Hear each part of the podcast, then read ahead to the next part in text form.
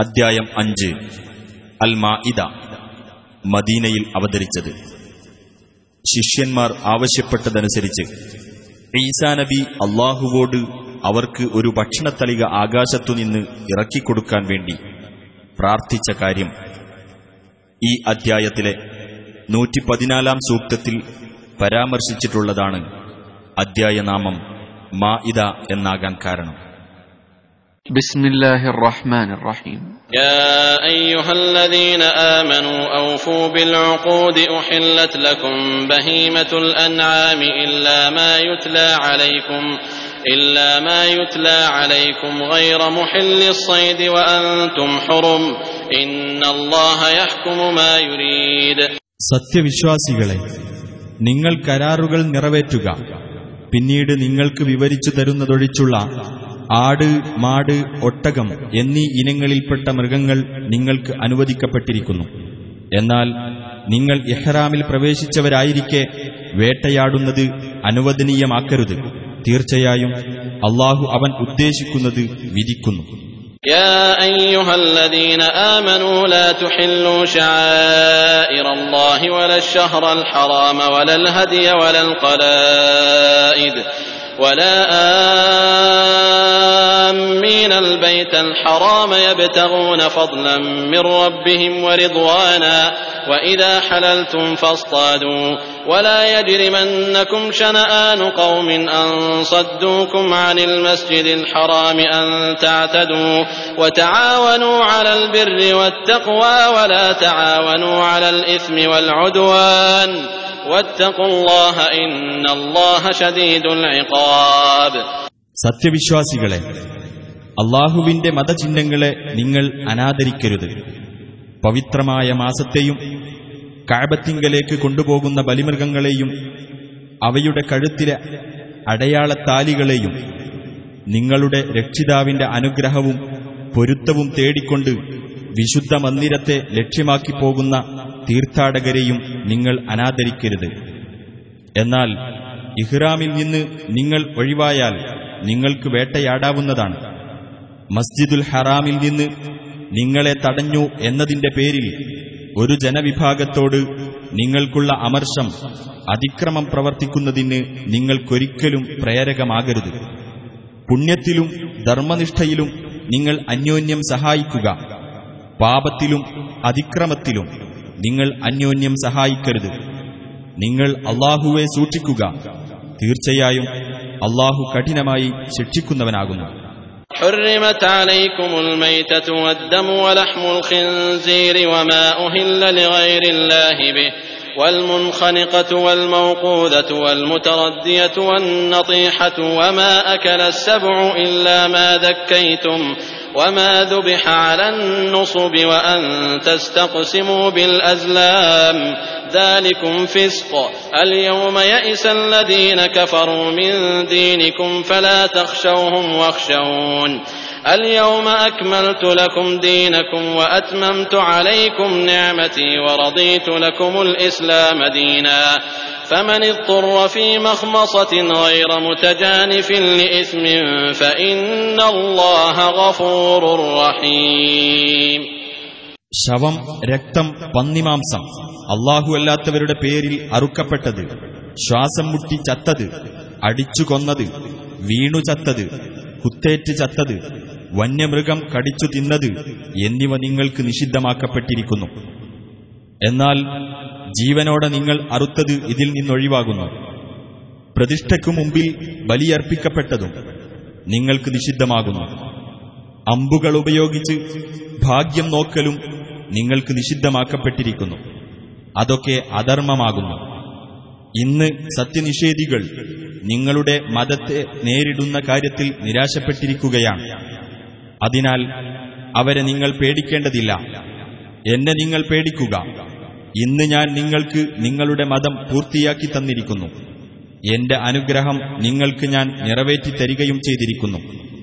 മതമായി ഇസ്ലാമിനെ ഞാൻ നിങ്ങൾക്ക് തൃപ്തിപ്പെട്ടു തന്നിരിക്കുന്നു. വല്ലവനും പട്ടിണി കാരണം നിഷിദ്ധമായത് തിന്നുവാൻ നിർബന്ധിതനാകുന്ന പക്ഷം അവൻ അധർമ്മത്തിലേക്ക് ചായ്വുള്ളവനല്ലെങ്കിൽ തീർച്ചയായും അള്ളാഹു ഏറെ പൊറുക്കുന്നവനും കരുണ കാണിക്കുന്നവനുമാകുന്നു يسألونك ماذا أحل لهم قل أحل لكم الطيبات وما علمتم من الجوارح مكلبين تعلمونهن مما علمكم الله فكلوا مما أمسكن عليكم واذكروا اسم الله عليه واتقوا الله إن الله سريع الحساب തങ്ങൾക്ക് അനുവദിക്കപ്പെട്ടിട്ടുള്ളത് എന്തൊക്കെയാണെന്ന് അവർ നിന്നോട് ചോദിക്കും. പറയുക നല്ല വസ്തുക്കളെല്ലാം നിങ്ങൾക്ക് അനുവദിക്കപ്പെട്ടിരിക്കുന്നു. അള്ളാഹു നിങ്ങൾക്ക് നൽകിയ വിദ്യ ഉപയോഗിച്ച് നായാട്ട് പരിശീലിപ്പിക്കാറുള്ള രീതിയിൽ നിങ്ങൾ പഠിപ്പിച്ചെടുത്ത ഏതെങ്കിലും വേട്ടമൃഗം നിങ്ങൾക്ക് വേണ്ടി പിടിച്ചുകൊണ്ടുവന്നതിൽ നിന്ന് നിങ്ങൾ തിന്നുകൊള്ളുക. ആ ഉരുവിന്റെ മേൽ നിങ്ങൾ അള്ളാഹുവിന്റെ നാമം ഉച്ചരിക്കുകയും ചെയ്യുക.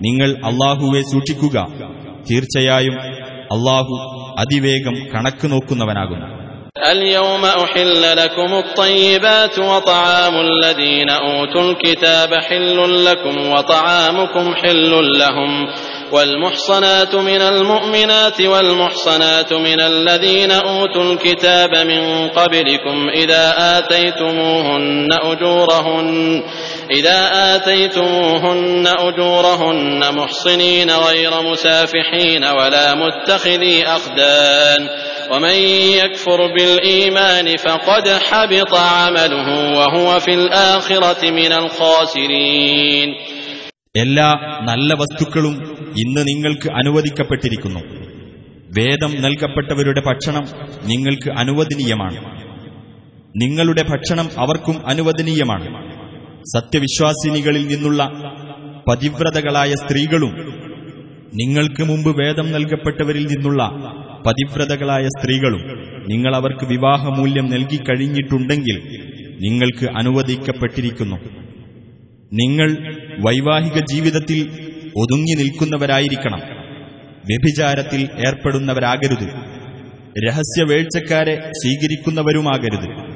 സത്യവിശ്വാസത്തെ ആരെങ്കിലും തള്ളിക്കളയുന്ന പക്ഷം അവന്റെ കർമ്മം നിഷ്ഫലമായി കഴിഞ്ഞു പരലോകത്ത് അവൻ നഷ്ടം പറ്റിയവരുടെ കൂട്ടത്തിലായിരിക്കുകയും ചെയ്യും يا أيها الذين آمنوا إذا قمتم إلى الصلاة فاغسلوا وجوهكم وأيديكم إلى المرافق وامسحوا برؤوسكم وأرجلكم إلى الكعبين وإن كنتم جنبا فاطهروا وإن كنتم مرضى أو على سفر أو جاء أحد منكم من الغائط أو لامستم أو لامستم النساء فلم تجدوا ماء فتيمموا صعيدا طيبا فامسحوا بوجوهكم وأيديكم منه ما يريد الله ليجعل عليكم من حرج ولكن يريد ليطهركم وليتم نعمته عليكم لعلكم تشكرون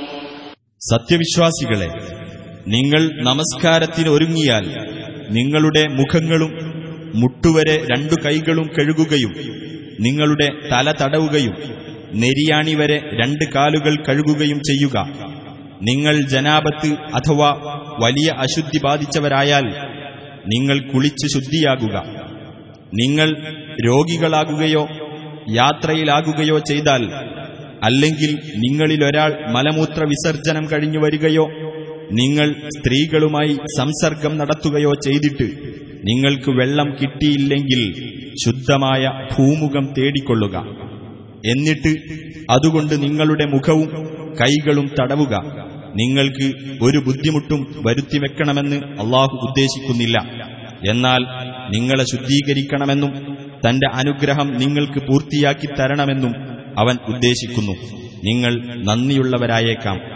واذكروا نعمة الله عليكم وميثاقه الذي واثقكم به إذ قلتم سمعنا وأطعنا واتقوا الله إن الله عليم بذات الصدور അള്ളാഹു നിങ്ങൾക്ക് ചെയ്തു തന്ന അനുഗ്രഹം നിങ്ങൾ ഓർക്കുക ഞങ്ങളിതാ കേൾക്കുകയും അനുസരിക്കുകയും ചെയ്തിരിക്കുന്നു എന്ന് നിങ്ങൾ പറഞ്ഞ സന്ദർഭത്തിൽ അള്ളാഹു നിങ്ങളോട് ഉറപ്പേറിയ കരാർ വാങ്ങിയതും ഓർക്കുക നിങ്ങൾ അള്ളാഹുവെ സൂക്ഷിക്കുക തീർച്ചയായും അള്ളാഹു മനസ്സുകളിലുള്ളത് അറിയുന്നവനാകുന്നു يا أيها الذين آمنوا كونوا قوامين لله شهداء بالقسط ولا يجرمنكم شنآن قوم على ألا تعدلوا اعدلوا هو أقرب للتقوى واتقوا الله إن الله خبير بما تعملون സത്യവിശ്വാസികളെ നിങ്ങൾ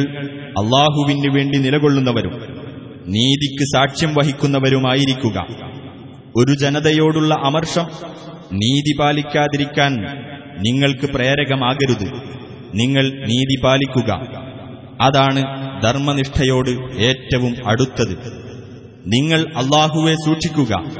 തീർച്ചയായും നിങ്ങൾ പ്രവർത്തിക്കുന്നതിനെക്കുറിച്ചെല്ലാം അള്ളാഹു സൂക്ഷ്മമായി അറിയുന്നവനാകുന്നു وعد الله الذين آمنوا وعملوا الصالحات لهم مغفرة وأجر عظيم വിശ്വസിക്കുകയും സൽക്കർമ്മങ്ങൾ പ്രവർത്തിക്കുകയും ചെയ്തവരോട് അള്ളാഹു വാഗ്ദാനം ചെയ്തിരിക്കുന്നു അവർക്ക് പാപമോചനവും മഹത്തായ പ്രതിഫലവും ഉണ്ടെന്ന്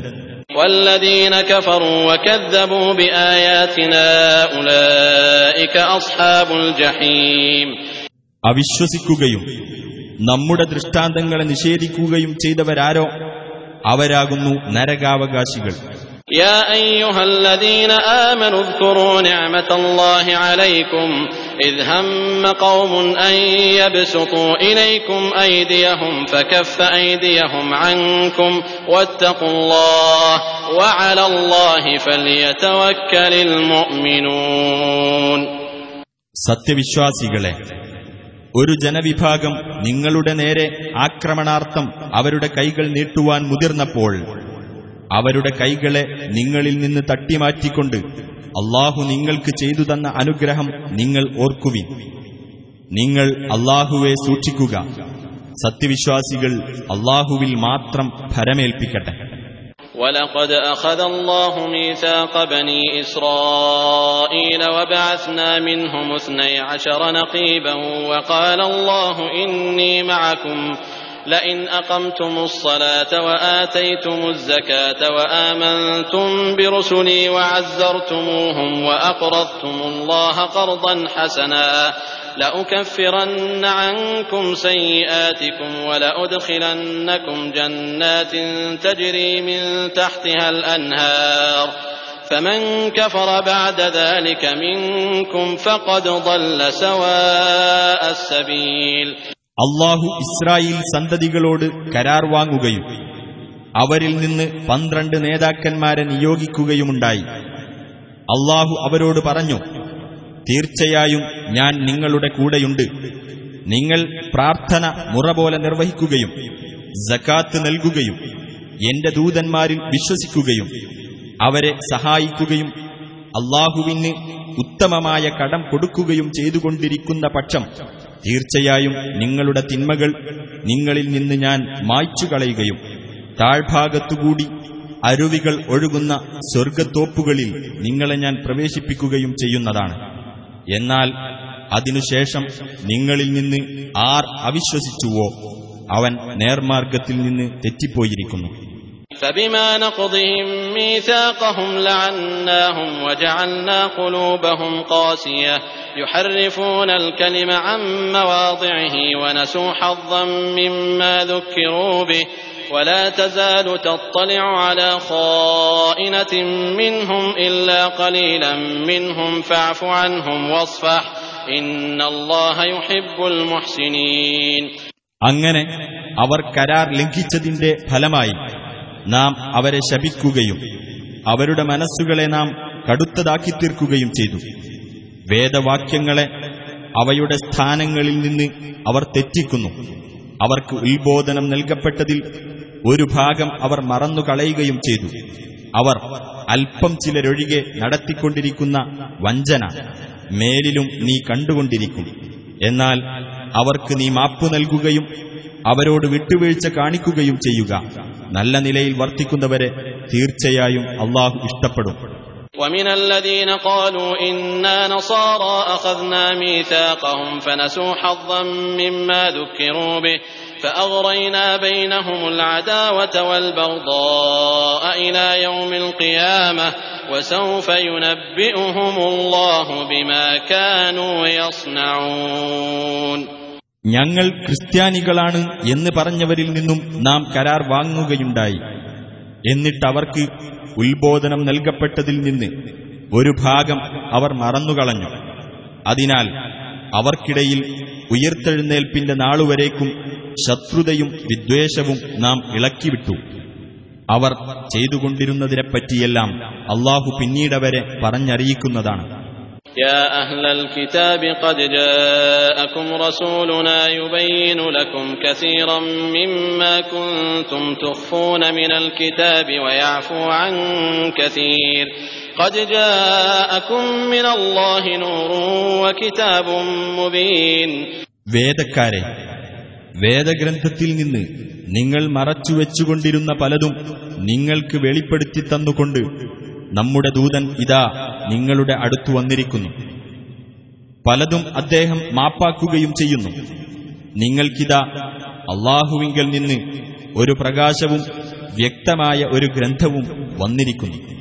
يهدي به الله من اتبع رضوانه سبل السلام ويخرجهم من الظلمات إلى النور بإذنه ويهديهم إلى صراط مستقيم അള്ളാഹു തന്റെ പൊരുത്തം തേടിയവരെ അത് മുഖേന സമാധാനത്തിന്റെ വഴികളിലേക്ക് നയിക്കുന്നു തന്റെ ഉത്തരവ് മുഖേന അവരെ അന്ധകാരങ്ങളിൽ നിന്ന് അവൻ പ്രകാശത്തിലേക്ക് കൊണ്ടുവരികയും നേരായ പാതയിലേക്ക് അവരെ നയിക്കുകയും ചെയ്യുന്നു لقد كفر الذين قالوا إن الله هو المسيح ابن مريم قل فمن يملك من الله شيئا إن أراد أن يهلك المسيح ابن مريم إن أراد أن يهلك المسيح ابن مريم وأمه ومن في الأرض جميعا ولله ملك السماوات والأرض وما بينهما يخلق ما يشاء والله على كل شيء قدير മറിയമിന്റെ മകൻ മസിയഹ് തന്നെയാണ് അള്ളാഹു എന്ന് പറഞ്ഞവർ തീർച്ചയായും അവിശ്വാസികളായിരിക്കുന്നു. നബിയെ പറയുക മറിയമിന്റെ മകൻ മസിയഹിനെയും അദ്ദേഹത്തിന്റെ മാതാവിനെയും ഭൂമിയിലുള്ള മുഴുവൻ പേരെയും അള്ളാഹു നശിപ്പിക്കാൻ ഉദ്ദേശിക്കുകയാണെങ്കിൽ അവന്റെ വല്ല നടപടിയിലും സ്വാധീനം ചെലുത്താൻ ആർക്കാണ് കഴിയുക?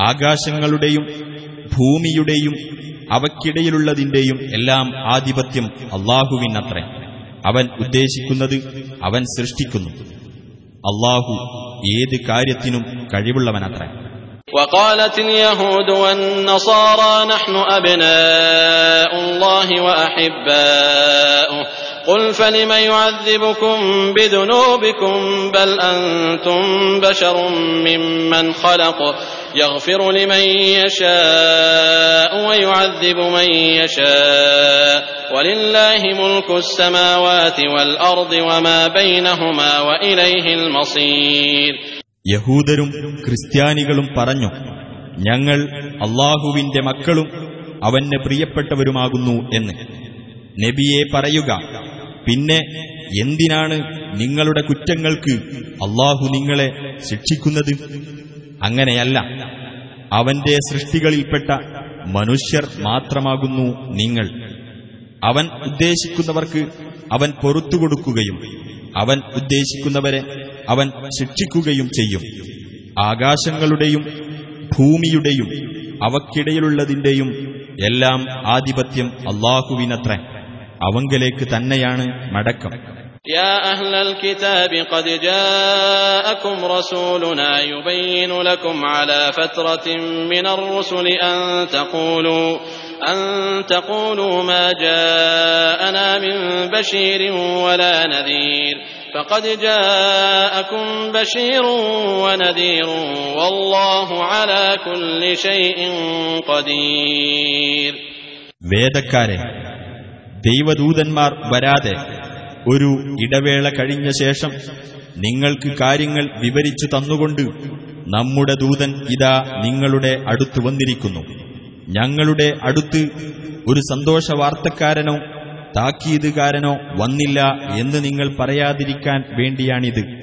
അതെ നിങ്ങൾക്ക് സന്തോഷവാർത്ത അറിയിക്കുകയും താക്കീത് നൽകുകയും ചെയ്യുന്ന ആൾ ഇതാ വന്നുകഴിഞ്ഞിരിക്കുന്നു അള്ളാഹു ഏത് കാര്യത്തിനും കഴിവുള്ളവനത്രേ. وإذ قال موسى لقومه يا قوم اذكروا نعمة الله عليكم إذ جعل فيكم أنبياء وجعلكم ملوكا وآتاكم ما لم يؤت أحدا من العالمين മൂസ തന്റെ ജനതയോട് പറഞ്ഞ സന്ദർഭം ഓർക്കുക എന്റെ ജനങ്ങളെ നിങ്ങളിൽ പ്രവാചകന്മാരെ നിയോഗിക്കുകയും നിങ്ങളെ രാജാക്കന്മാരാക്കുകയും മനുഷ്യരിൽ നിന്ന് മറ്റാർക്കും നൽകിയിട്ടില്ലാത്ത പലതും നിങ്ങൾക്ക് നൽകുകയും ചെയ്തുകൊണ്ട് അള്ളാഹു നിങ്ങളെ അനുഗ്രഹിച്ചത് നിങ്ങൾ ഓർക്കുക يا قوم ادخلوا الأرض المقدسة التي كتب الله لكم ولا ترتدوا على أدباركم فتنقلبوا خاسرين എന്റെ ജനങ്ങളെ അള്ളാഹു നിങ്ങൾക്ക് വിധിച്ചിട്ടുള്ള പവിത്ര ഭൂമിയിൽ നിങ്ങൾ പ്രവേശിക്കുവിൻ നിങ്ങൾ പിന്നോക്കം മടങ്ങരുത് എങ്കിൽ നിങ്ങൾ നഷ്ടക്കാരായി മാറും قالوا يا موسى إن فيها قوما جبارين وإنا لن ندخلها حتى يخرجوا منها فإن يخرجوا منها فإنا داخلون അവർ പറഞ്ഞു ഓ മൂസ പരാക്രമശാലികളായ ഒരു ജനതയാണ് അവിടെയുള്ളത് അവർ അവിടെ നിന്ന് പുറത്തു പോകുന്നതുവരെ ഞങ്ങൾ അവിടെ പ്രവേശിക്കുകയേയില്ല അവർ അവിടെ നിന്ന് പുറത്തു പോകുന്ന പക്ഷം തീർച്ചയായും ഞങ്ങൾ അവിടെ പ്രവേശിച്ചുകൊള്ളാം قال رجلان من الذين يخافون أنعم الله عليهم ادخلوا عليهم الباب فإذا دخلتموه فإنكم غالبون وعلى الله فتوكلوا إن كنتم مؤمنين ദൈവഭയമുള്ളവരിൽപ്പെട്ട അള്ളാഹു അനുഗ്രഹിച്ച രണ്ടുപേർ പറഞ്ഞു നിങ്ങൾ അവരുടെ നേർക്ക് കവാടം കടന്നങ്ങ് ചെല്ലുക. അങ്ങനെ നിങ്ങൾ കടന്നു ചെന്നാൽ തീർച്ചയായും നിങ്ങൾ തന്നെയായിരിക്കും ജയിക്കുന്നത്. നിങ്ങൾ വിശ്വാസികളാണെങ്കിൽ അള്ളാഹുവിൽ നിങ്ങൾ ഭരമേൽപ്പിക്കുക. قالوا يا موسى إنا لن ندخلها أبدا ما داموا فيها فاذهب أنت وربك فقاتلا إنا هاهنا قاعدون അപ്പോൾ അവർ പറഞ്ഞു ഓ മൂസ അവരവിടെ ഉണ്ടായിരിക്കുന്ന കാലത്തോളം ഞങ്ങളൊരിക്കലും അവിടെ പ്രവേശിക്കുകയില്ല അതിനാൽ താങ്കളും താങ്കളുടെ രക്ഷിതാവും കൂടിപ്പോയി യുദ്ധം ചെയ്തുകൊള്ളുക ഞങ്ങൾ ഇവിടെ ഇരിക്കുകയാണ്.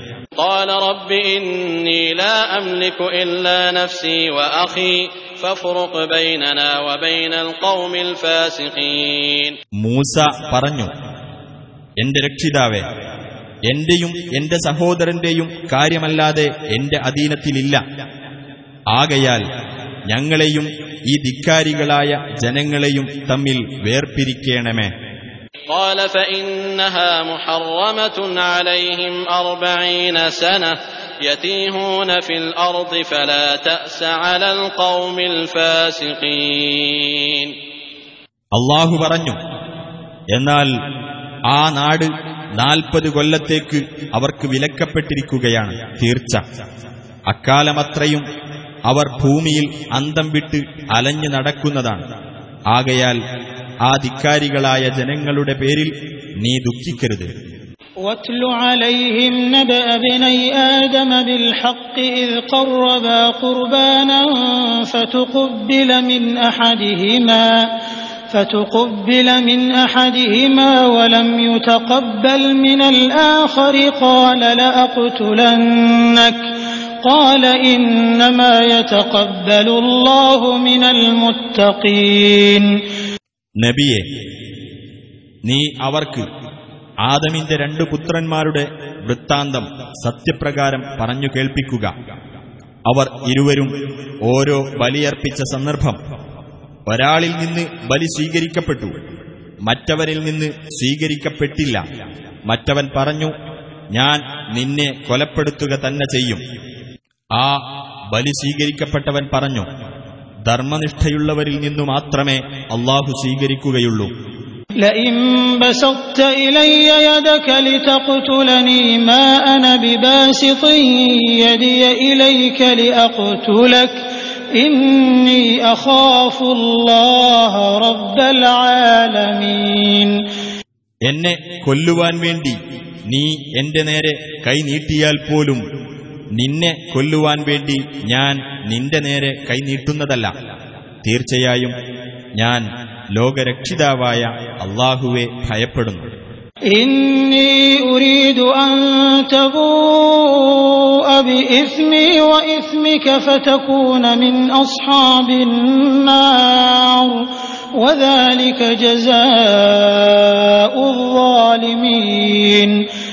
എന്റെ കുറ്റത്തിനും നിന്റെ കുറ്റത്തിനും നീ അർഹനായിത്തീരുവാനും അങ്ങനെ നീ നരകാവകാശികളുടെ കൂട്ടത്തിലാകുവാനുമാണ് ഞാൻ ആഗ്രഹിക്കുന്നത് അതാണ് അക്രമികൾക്കുള്ള പ്രതിഫലം فطوعت له نفسه قتل أخيه فقتله فأصبح من الخاسرين എന്നിട്ട് തന്റെ സഹോദരനെ കൊല്ലുവാൻ അവന്റെ മനസ്സ് അവന് പ്രേരണ നൽകി അങ്ങനെ അവനെ കൊലപ്പെടുത്തി അതിനാൽ അവൻ നഷ്ടക്കാരിൽപ്പെട്ടവനായിത്തീർന്നു فبعث الله غرابا يبحث في الأرض ليريه كيف يواري سوءة أخيه قال يا ويلتى أعجزت أن أكون مثل هذا الغراب فأواري سوءة أخي فأصبح من النادمين അപ്പോൾ തന്റെ സഹോദരന്റെ മൃതദേഹം മറവു ചെയ്യേണ്ടത് എങ്ങനെയെന്ന് അവന് കാണിച്ചു കൊടുക്കുവാനായി. നിലത്ത് മാന്തി കുഴിയുണ്ടാക്കുന്ന ഒരു കാക്കയെ അള്ളാഹു അയച്ചു. അവൻ പറഞ്ഞു എന്തൊരു കഷ്ടം. എന്റെ സഹോദരന്റെ മൃതദേഹം മറവു ചെയ്യുന്ന കാര്യത്തിൽ ഈ കാക്കയെപ്പോലെ ആകാൻ പോലും എനിക്ക് കഴിയാതെ പോയല്ലോ. അങ്ങനെ അവൻ ഖേദക്കാരുടെ കൂട്ടത്തിലായിത്തീർന്നു. من أجل ذلك كتبنا على بني إسرائيل أنه من قتل نفسا بغير نفس بغير نفس أو فساد في الأرض فكأنما قتل الناس جميعا ومن أحياها فكأنما أحيا الناس جميعا. ولقد جاءتهم رسلنا بالبينات ثم إن كثيرا منهم بعد ذلك في الأرض لمسرفون അക്കാരണത്താൽ ഇസ്രായേൽ സന്തതികൾക്ക് നാം ഇപ്രകാരം വിധി നൽകുകയുണ്ടായി മറ്റൊരാളെ കൊന്നതിന് പകരമായോ ഭൂമിയിൽ കുഴപ്പമുണ്ടാക്കിയതിന്റെ പേരിലോ അല്ലാതെ വല്ലവനും ഒരാളെ കൊലപ്പെടുത്തിയാൽ അത് മനുഷ്യരെ മുഴുവൻ കൊലപ്പെടുത്തിയതിന് തുല്യമാകുന്നു.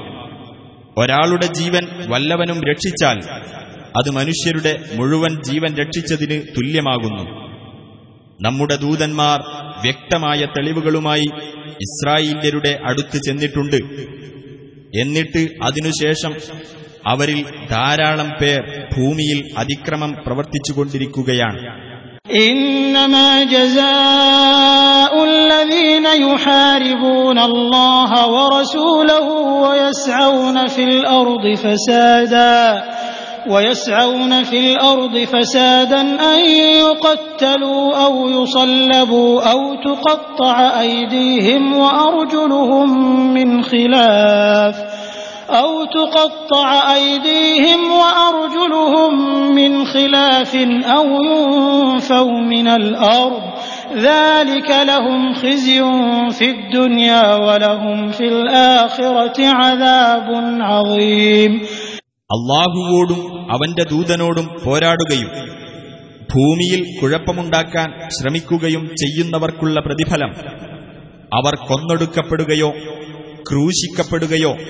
അവരുടെ കൈകളും കാലുകളും എതിർവശങ്ങളിൽ നിന്നായി മുറിച്ചു കളയപ്പെടുകയോ നാടു കടത്തപ്പെടുകയോ ചെയ്യുക മാത്രമാകുന്നു അതവർക്ക് ഇഹലോകത്തുള്ള അപമാനമാകുന്നു പരലോകത്ത് അവർക്ക് കനത്ത ശിക്ഷയുണ്ടായിരിക്കും إلا الذين تابوا من قبل أن تقدروا عليهم فاعلموا أن الله غفور رحيم എന്നാൽ അവർക്കെതിരിൽ നടപടിയെടുക്കാൻ നിങ്ങൾക്ക് കഴിയുന്നതിന്റെ മുമ്പായി പശ്ചാത്തപിച്ച് മടങ്ങിയവർ ഇതിൽ നിന്നൊഴിവാണ്. അള്ളാഹു ഏറെ പൊറുക്കുന്നവനും കരുണാനിധിയുമാണെന്ന് നിങ്ങൾ മനസ്സിലാക്കുക.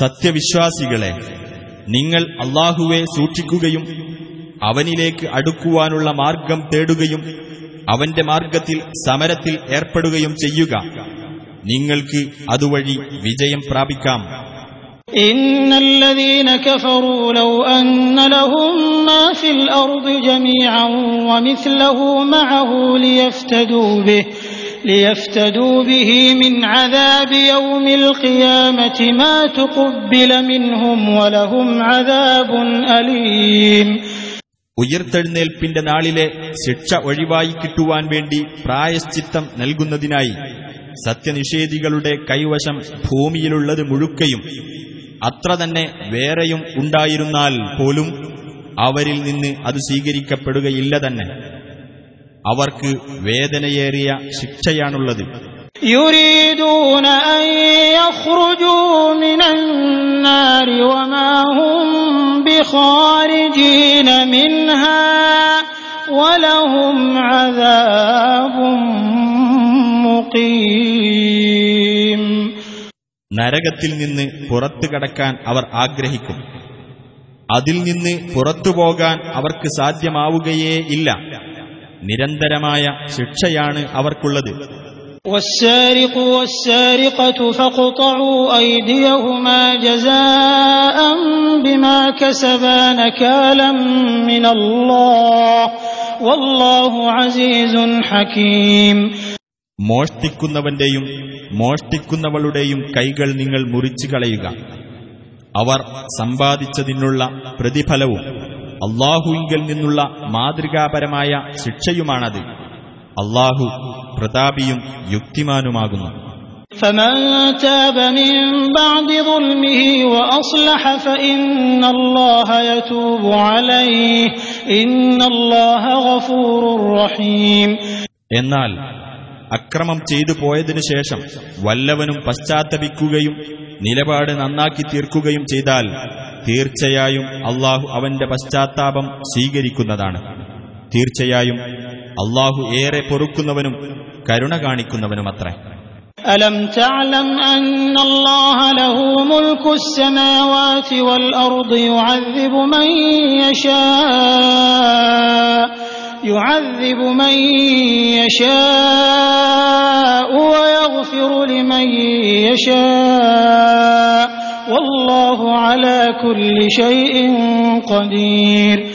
ആകാശങ്ങളുടെയും ഭൂമിയുടെയും ആധിപത്യം അള്ളാഹുവിനാണെന്ന് നിനക്കറിഞ്ഞുകൂടെ?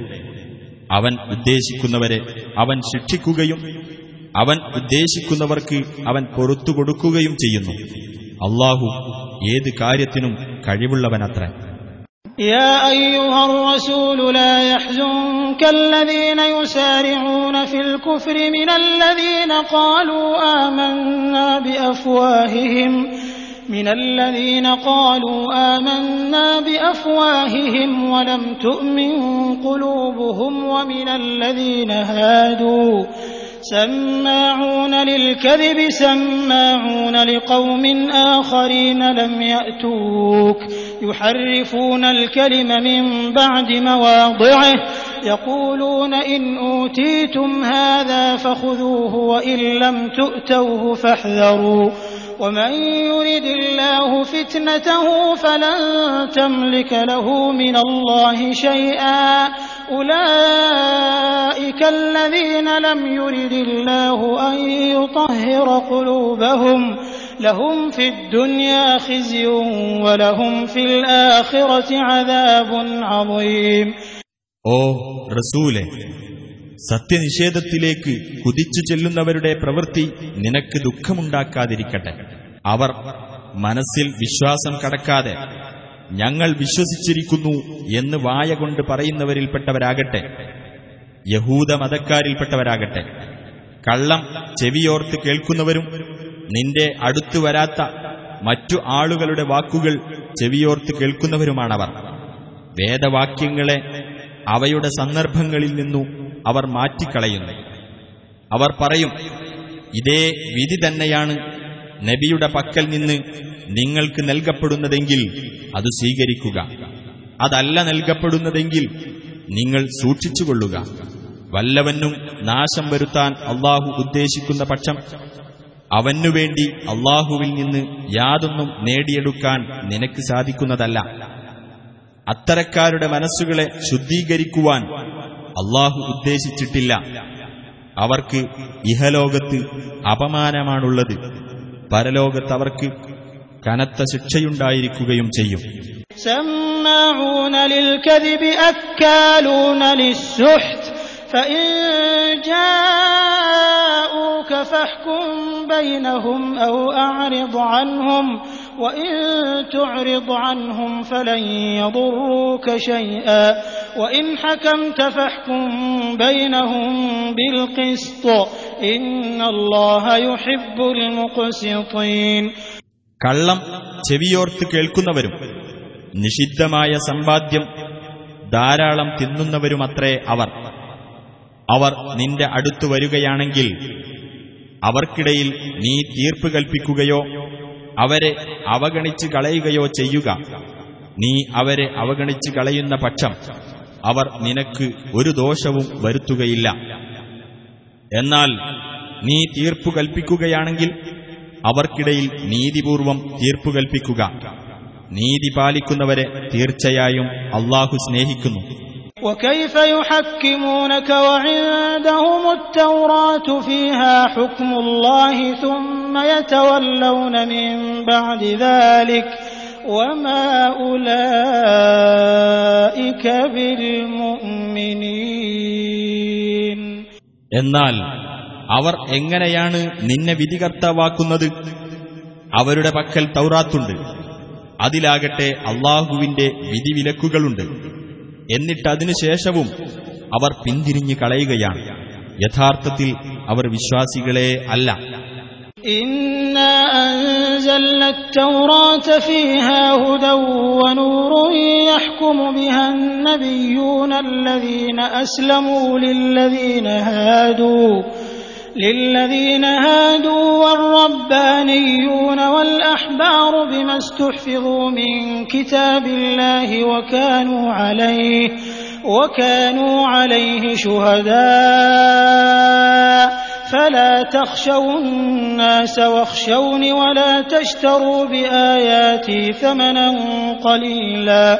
ومن لم يحكم بما أنزل الله فأولئك هم الكافرون തീർച്ചയായും നാം തന്നെയാണ് തൗറാത്തിനെ അവതരിപ്പിച്ചിരിക്കുന്നത് അതിൽ മാർഗദർശനവും പ്രകാശവുമുണ്ട് അള്ളാഹുവിന് കീഴ്പ്പെട്ട പ്രവാചകന്മാർ യഹൂദ മതക്കാർക്ക് അതിനനുസരിച്ച് വിധി കൽപ്പിച്ചു പോന്നു പുണ്യവാന്മാരും പണ്ഡിതന്മാരും അതേ പ്രകാരം തന്നെ വിധി കൽപ്പിച്ചിരുന്നു. കാരണം അള്ളാഹുവിന്റെ ഗ്രന്ഥത്തിന്റെ സംരക്ഷണം അവർക്ക് ഏൽപ്പിക്കപ്പെട്ടിരുന്നു. അവരതിന് സാക്ഷികളുമായിരുന്നു. അതിനാൽ നിങ്ങൾ ജനങ്ങളെ പേടിക്കാതെ എന്നെ മാത്രം ഭയപ്പെടുക. എന്റെ വചനങ്ങൾ നിങ്ങൾ തുച്ഛമായ വിലക്ക് വിറ്റുകളയാതിരിക്കുക. അള്ളാഹു അവതരിപ്പിച്ചു തന്നതനുസരിച്ച് ആർ വിധിക്കുന്നില്ലയോ?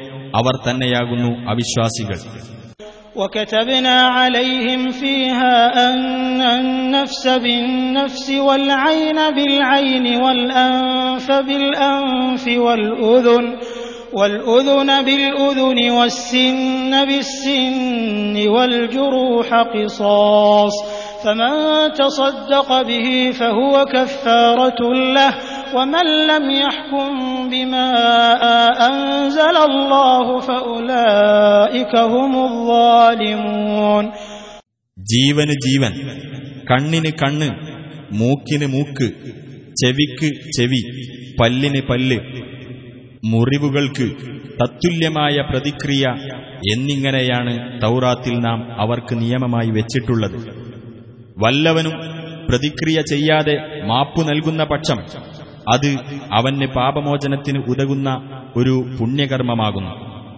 ആർ അള്ളാഹു അവതരിപ്പിച്ചതനുസരിച്ച് വിധിക്കുന്നില്ലയോ അവർ തന്നെയാണ് അക്രമികൾ وقفينا على آثارهم بعيسى ابن مريم مصدقا لما بين يديه من التوراة وآتيناه الإنجيل فيه هدى ونور ومصدقا لما بين يديه من التوراة وهدى وهدى وموعظة للمتقين ആ പ്രവാചകന്മാരെ തുടർന്ന് അവരുടെ കാൽപ്പാടുകളിലായിക്കൊണ്ട് മറിയമിന്റെ മകൻ ഈസായെ തന്റെ മുമ്പിലുള്ള തൗറാത്തിനെ ശരിവെക്കുന്നവനായിക്കൊണ്ട് നാം നിയോഗിച്ചു സന്മാർഗ നിർദ്ദേശവും സത്യപ്രകാശവും അടങ്ങിയ ഇഞ്ചിയിലും അദ്ദേഹത്തിന് നാം നൽകി അതിന്റെ മുമ്പിലുള്ള തൗറാത്തിനെ ശരിവെക്കുന്നതും സൂക്ഷ്മത പാലിക്കുന്നവർക്ക് മാർഗദർശനവും സതുപദേശവുമത്രേ അത് وليحكم أهل الإنجيل بما أنزل الله فيه ومن لم يحكم بما أنزل الله فأولئك هم الفاسقون ഇഞ്ചീലിന്റെ അനുയായികൾ അള്ളാഹു അവതരിപ്പിച്ചതനുസരിച്ച് വിധികൽപ്പിക്കട്ടെ അള്ളാഹു അവതരിപ്പിച്ചതനുസരിച്ച് ആർ വിധിക്കുന്നില്ലയോ അവർ തന്നെയാകുന്നു ധിക്കാരികൾ وأنزلنا إليك الكتاب بالحق مصدقا لما بين يديه من الكتاب ومهيمنا عليه. فاحكم بينهم بما أنزل الله. ولا تتبع أهواءهم عما جاءك من الحق. لكل جعلنا منكم شرعة ومنهاجا. ولو شاء الله لجعلكم أمة واحدة ولكن ليبلوكم فيما آتاكم. فاستبقوا الخيرات إلى الله مرجعكم جميعا فينبئكم بما كنتم فيه تختلفون നബിയെ നിനക്കിതാ സത്യപ്രകാരം വേദഗ്രന്ഥം അവതരിപ്പിച്ചു തന്നിരിക്കുന്നു അതിന്റെ മുമ്പിലുള്ള വേദഗ്രന്ഥങ്ങളെ ശരിവെക്കുന്നതും അവയെ കാത്തുരക്ഷിക്കുന്നതുമത്രേ അത് അതിനാൽ നീ അവർക്കിടയിൽ നാം അവതരിപ്പിച്ച് തന്നതനുസരിച്ച് വിധി കൽപ്പിക്കുക. നിനക്ക് വന്നു കിട്ടിയ സത്യത്തെ വിട്ട് നീ അവരുടെ തന്നിഷ്ടങ്ങളെ പിൻപറ്റിപ്പോകരുത്. നിങ്ങളിൽ ഓരോ വിഭാഗത്തിനും ഓരോ നിയമക്രമവും കർമ്മമാർഗവും നാം നിശ്ചയിച്ചു തന്നിരിക്കുന്നു. അള്ളാഹു ഉദ്ദേശിച്ചിരുന്നെങ്കിൽ നിങ്ങളെ അവൻ ഒരൊറ്റ സമുദായമാക്കുമായിരുന്നു. പക്ഷേ നിങ്ങൾക്കവൻ നൽകിയിട്ടുള്ളതിൽ നിങ്ങളെ പരീക്ഷിക്കുവാൻ അവൻ ഉദ്ദേശിക്കുന്നു അതിനാൽ നല്ല കാര്യങ്ങളിലേക്ക് നിങ്ങൾ മത്സരിച്ച് മുന്നേറുക അള്ളാഹുവിങ്കലേക്കത്രേ നിങ്ങളുടെയെല്ലാം മടക്കം നിങ്ങൾ ഭിന്നിച്ചിരുന്ന വിഷയങ്ങളെപ്പറ്റി അപ്പോൾ അവൻ നിങ്ങൾക്ക് അറിയിച്ചു തരുന്നതാണ് وأن احكم بينهم بما أنزل الله ولا تتبع أهواءهم واحذرهم أن يفتنوك عن بعض ما أنزل الله إليك فإن تولوا فاعلم أنما يريد الله أن يصيبهم ببعض ذنوبهم وإن كثيرا من الناس لفاسقون അള്ളാഹു അവതരിപ്പിച്ചതനുസരിച്ച് അവർക്കിടയിൽ നീ വിധി കൽപ്പിക്കുകയും അവരുടെ തന്നിഷ്ടങ്ങളെ പിൻപറ്റാതിരിക്കുകയും അള്ളാഹു നിനക്ക് അവതരിപ്പിച്ചു തന്ന വല്ല നിർദ്ദേശത്തിൽ നിന്നും അവർ നിന്നെ തെറ്റിച്ചു കളയുന്നതിനെപ്പറ്റി നീ ജാഗ്രത പുലർത്തുകയും ചെയ്യണമെന്നും നാം കൽപ്പിക്കുന്നു. ഇനി അവർ പിന്തിരിഞ്ഞു കളയുകയാണെങ്കിൽ നീ മനസ്സിലാക്കണം അവരുടെ ചില പാപങ്ങൾ കാരണമായി അവർക്ക് നാശം വരുത്തണമെന്നാണ് അള്ളാഹു ഉദ്ദേശിക്കുന്നതെന്ന്. തീർച്ചയായും മനുഷ്യരിൽ അധിക പേരും ധിക്കാരികളാകുന്നു أفحكم الجاهلية يبغون يعلمون ومن أحسن من الله حكما لقوم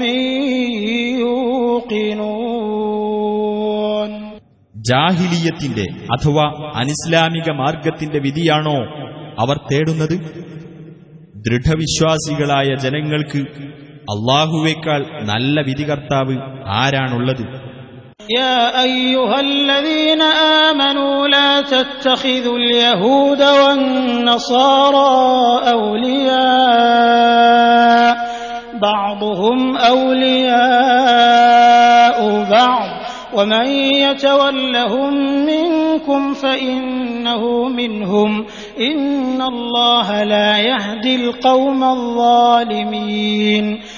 സത്യവിശ്വാസികളെ യഹൂദരെയും ക്രൈസ്തവരെയും നിങ്ങൾ ഉറ്റമിത്രങ്ങളായി സ്വീകരിക്കരുത്. അവരാകട്ടെ അന്യോന്യം ഉറ്റമിത്രങ്ങളാണ് താനും. നിങ്ങളിൽ നിന്നാരെങ്കിലും അവരെ ഉറ്റമിത്രങ്ങളായി സ്വീകരിക്കുന്ന പക്ഷം അവനും അവരിൽപ്പെട്ടവൻ തന്നെയാണ്.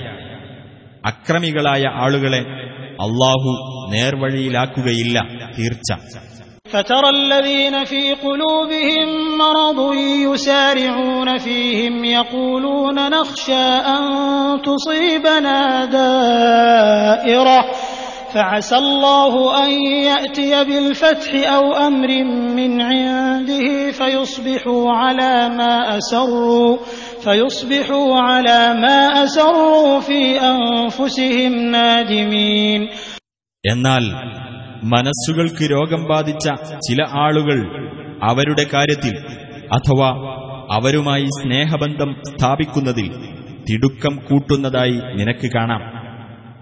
ഞങ്ങൾക്ക് വല്ല ആപത്തും സംഭവിച്ചേക്കുമോ എന്ന് ഞങ്ങൾ ഭയപ്പെടുന്നു എന്നായിരിക്കും അവർ പറയുന്നത്. എന്നാൽ അള്ളാഹു നിങ്ങൾക്ക് പൂർണ വിജയം നൽകുകയോ അല്ലെങ്കിൽ അവന്റെ പക്കൽ നിന്ന് മറ്റു വല്ല നടപടിയും ഉണ്ടാകുകയോ ചെയ്തേക്കാം അപ്പോൾ തങ്ങളുടെ മനസ്സുകളിൽ രഹസ്യമാക്കി വച്ചതിനെപ്പറ്റി ഈ കൂട്ടർ ഖേദിക്കുന്നവരായിത്തീരും ويقول الذين آمنوا أهؤلاء الذين أقسموا بالله جهد أيمانهم إنهم لمعكم حبطت أعمالهم فأصبحوا خاسرين അന്ന് സത്യവിശ്വാസികൾ പറയും തങ്ങൾ നിങ്ങളുടെ കൂടെ തന്നെയാണ് എന്ന് അള്ളാഹുവിന്റെ പേരിൽ ബലമായി സത്യം ചെയ്ത് പറഞ്ഞിരുന്നവർ ഇക്കൂട്ടർ തന്നെയാണോ എന്ന്. അവരുടെ കർമ്മങ്ങൾ നിഷ്ഫലമാകുകയും അങ്ങനെ അവർ നഷ്ടക്കാരായി മാറുകയും ചെയ്തിരിക്കുന്നു. يا أيها الذين آمنوا من يرتد منكم عن دينه فسوف يأتي الله بقوم يحبهم ويحبونه يحبهم ويحبونه. أذلة على المؤمنين أعزة على الكافرين يجاهدون.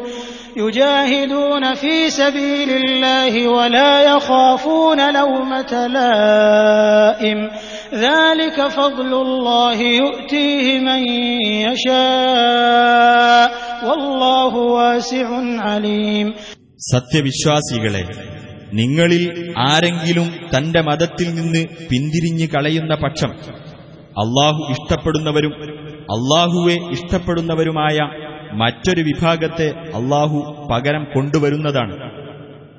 അവർ വിശ്വാസികളോട് വിനയം കാണിക്കുന്നവരും സത്യനിഷേധികളോട് പ്രതാപം പ്രകടിപ്പിക്കുന്നവരുമായിരിക്കും. അവർ അള്ളാഹുവിന്റെ മാർഗത്തിൽ സമരത്തിൽ ഏർപ്പെടും. ഒരു ആക്ഷേപകന്റെ ആക്ഷേപവും അവർ ഭയപ്പെടുകയില്ല. അത് അള്ളാഹുവിന്റെ അനുഗ്രഹമത്രേ. അവൻ ഉദ്ദേശിക്കുന്നവർക്ക് അത് നൽകുന്നു.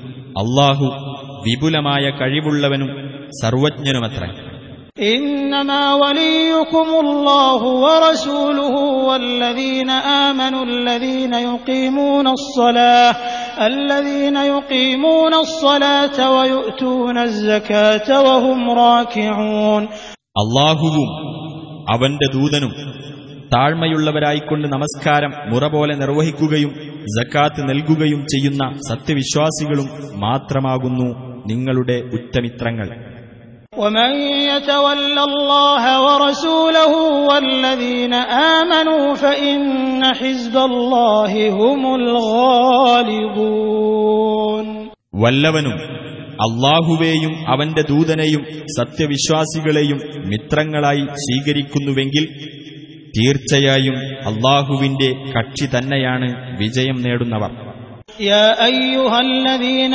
آمنوا لا تتخذوا الذين اتخذوا دينكم هزوا ولعبا من الذين أوتوا الكتاب من الذين أوتوا الكتاب من قبلكم والكفار أولياء واتقوا الله إن كنتم مؤمنين സത്യവിശ്വാസികളെ നിങ്ങൾക്ക് മുമ്പ് വേദഗ്രന്ഥം നൽകപ്പെട്ടവരിൽ നിന്ന് നിങ്ങളുടെ മതത്തെ തമാശയും വിനോദ വിഷയവുമാക്കി തീർത്തവരെയും സത്യനിഷേധികളെയും നിങ്ങൾ ഉറ്റമിത്രങ്ങളായി സ്വീകരിക്കരുത്.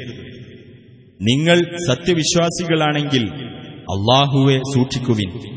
وإذا ناديتم إلى الصلاة اتخذوها هزوا ولعبا ذلك بأنهم قوم لا يعقلون നിങ്ങൾ നമസ്കാരത്തിനായി വിളിച്ചാൽ അവരതിനെ ഒരു തമാശയും വിനോദ വിഷയവുമാക്കി തീർക്കുന്നു അവർ ചിന്തിച്ചു മനസ്സിലാക്കാത്ത ഒരു ജനവിഭാഗമായതുകൊണ്ടത്രേ അത്. قل يا أهل الكتاب هل تنقمون منا إلا أن آمنا بالله وما أنزل إلينا وما أنزل إلينا وما أنزل من قبل وأن أكثركم فاسقون നബിയെ പറയുക വേദക്കാരെ അള്ളാഹുവിലും അവങ്കൽ നിന്ന് ഞങ്ങൾക്ക് അവതരിപ്പിക്കപ്പെട്ട വേദത്തിലും മുമ്പ് അവതരിപ്പിക്കപ്പെട്ട വേദത്തിലും ഞങ്ങൾ വിശ്വസിച്ചിരിക്കുന്നു എന്നതുകൊണ്ടും നിങ്ങളിൽ അധിക പേരും ധിക്കാരികളാണ് എന്നതുകൊണ്ടും മാത്രമല്ലേ നിങ്ങൾ ഞങ്ങളെ കുറ്റപ്പെടുത്തുന്നത് قل هل أنبئكم بشر من ذلك مثوبة عند الله من لعنه الله من لعنه الله وغضب عليه وجعل منهم القردة والخنازير وعبد الطاغوت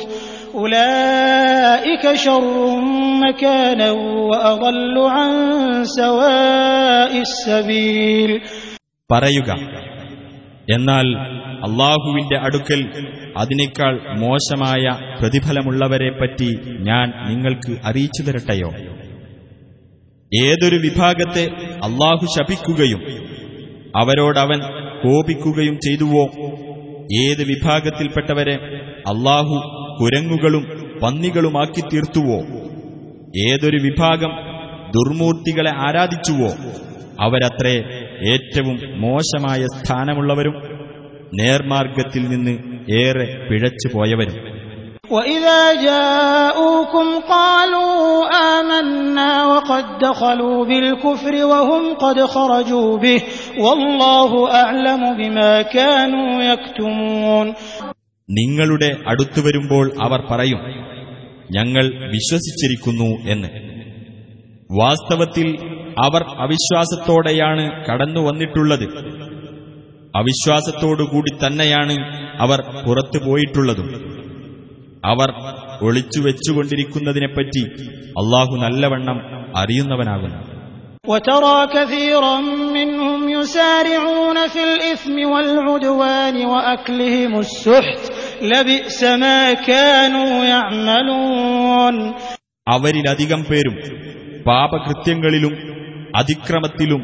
നിഷിദ്ധ സമ്പാദ്യം ഭുജിക്കുന്നതിലും മത്സരിച്ച് മുന്നേറുന്നതായി നിനക്ക് കാണാം അവർ പ്രവർത്തിച്ചുകൊണ്ടിരിക്കുന്നത് വളരെ ചീത്ത തന്നെ لولا ينهاهم الربانيون والأحبار عن قولهم الإثم وأكلهم السحت لبئس ما كانوا يصنعون കുറ്റകരമായത് അവർ പറയുന്നതിൽ നിന്നും നിഷിദ്ധമായ സമ്പാദ്യം അവർ തിന്നുന്നതിൽ നിന്നും പുണ്യപുരുഷന്മാരും പണ്ഡിതന്മാരും അവരെ തടയാതിരുന്നത് എന്തുകൊണ്ടാണ് അവർ ചെയ്തുകൊണ്ടിരിക്കുന്നത് വളരെ ചീത്ത തന്നെ وقالت اليهود يد الله مغلولة غلت أيديهم ولعنوا بما قالوا بل يداه مبسوطتان ينفق كيف يشاء وليزيدن كثيرا منهم ما أنزل إليك من ربك طغيانا وكفرا وألقينا بينهم العداوة والبغضاء إلى يوم القيامة كلما أوقدوا نارا للحرب أطفأها الله ويسعون في الأرض فسادا والله لا يحب المفسدين അള്ളാഹുവിന്റെ കൈകൾ ബന്ധിക്കപ്പെട്ടിരിക്കുകയാണ് എന്ന് യഹൂദന്മാർ പറഞ്ഞു. അവരുടെ കൈകൾ ബന്ധിതമാകട്ടെ. അവർ പറഞ്ഞ വാക്ക് കാരണം അവർ ശപിക്കപ്പെട്ടിരിക്കുന്നു. അല്ല അവന്റെ ഇരു കൈകളും നിവർത്തപ്പെട്ടവയാകുന്നു. അവൻ എങ്ങനെ ഉദ്ദേശിക്കുന്നുവോ അങ്ങനെ ചെലവഴിക്കുന്നു. നിനക്ക് നിന്റെ രക്ഷിതാവിങ്കിൽ നിന്ന് അവതരിപ്പിക്കപ്പെട്ട സന്ദേശം അവരിൽ അധിക പേർക്കും ധിക്കാരവും അവിശ്വാസവും വർദ്ധിപ്പിക്കുക തന്നെ ചെയ്യും. അവർക്കിടയിൽ ഉയർത്തെഴുന്നേൽപ്പിന്റെ നാളുവരെ ശത്രുതയും വിദ്വേഷവും നാം ഇട്ടുകൊടുത്തിരിക്കുകയാണ്. അവർ യുദ്ധത്തിന് തീ കൊളുത്തുമ്പോഴെല്ലാം അള്ളാഹു അത് കെടുത്തിക്കളയുന്നു.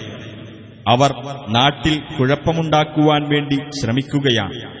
കുഴപ്പക്കാരെ അള്ളാഹു ഇഷ്ടപ്പെടുന്നില്ല. ولو أن أهل الكتاب آمنوا واتقوا لكفرنا عنهم سيئاتهم ولأدخلناهم جنات النعيم വേദക്കാർ വിശ്വസിക്കുകയും സൂക്ഷ്മത പാലിക്കുകയും ചെയ്തിരുന്നുവെങ്കിൽ അവരിൽ നിന്ന് അവരുടെ തിന്മകൾ നാം മായ്ച്ചു കളയുകയും അനുഗ്രഹപൂർണമായ സ്വർഗത്തോപ്പുകളിൽ നാം അവരെ പ്രവേശിപ്പിക്കുകയും ചെയ്യുമായിരുന്നു ولو أنهم أقاموا التوراة والإنجيل وما أنزل إليهم من ربهم لأكلوا من فوقهم لأكلوا من فوقهم ومن تحت أرجلهم منهم أمة مقتصدة وكثير منهم ساء ما يعملون.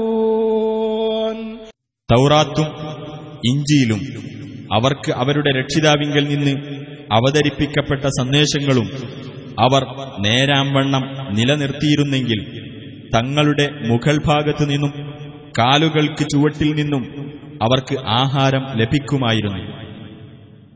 അവരിൽ തന്നെ മിതത്വം പാലിക്കുന്ന ഒരു സമൂഹമുണ്ട്. എന്നാൽ അവരിൽ അധികം പേരുടെയും പ്രവർത്തനങ്ങൾ വളരെ ചീത്ത തന്നെ. يا أيها الرسول بلغ ما أنزل إليك من ربك وإن لم تفعل فما بلغت رسالته والله يعصمك من الناس إن الله لا يهدي القوم الكافرين ഹേ റസൂലെ നിന്റെ രക്ഷിതാവിങ്കിൽ നിന്ന് നിനക്ക് അവതരിപ്പിക്കപ്പെട്ടത് നീ ജനങ്ങൾക്ക് എത്തിച്ചു കൊടുക്കുക അങ്ങനെ ചെയ്യാത്ത പക്ഷം നീ അവന്റെ ദൗത്യം നിറവേറ്റിയിട്ടില്ല ജനങ്ങളിൽ നിന്ന് അള്ളാഹു നിന്നെ രക്ഷിക്കുന്നതാണ് സത്യനിഷേധികളായ ആളുകളെ തീർച്ചയായും അള്ളാഹു നേർവഴിയിലാക്കുകയില്ല قل يا أهل الكتاب لستم على شيء حتى تقيموا التوراة والإنجيل وما أنزل إليكم من ربكم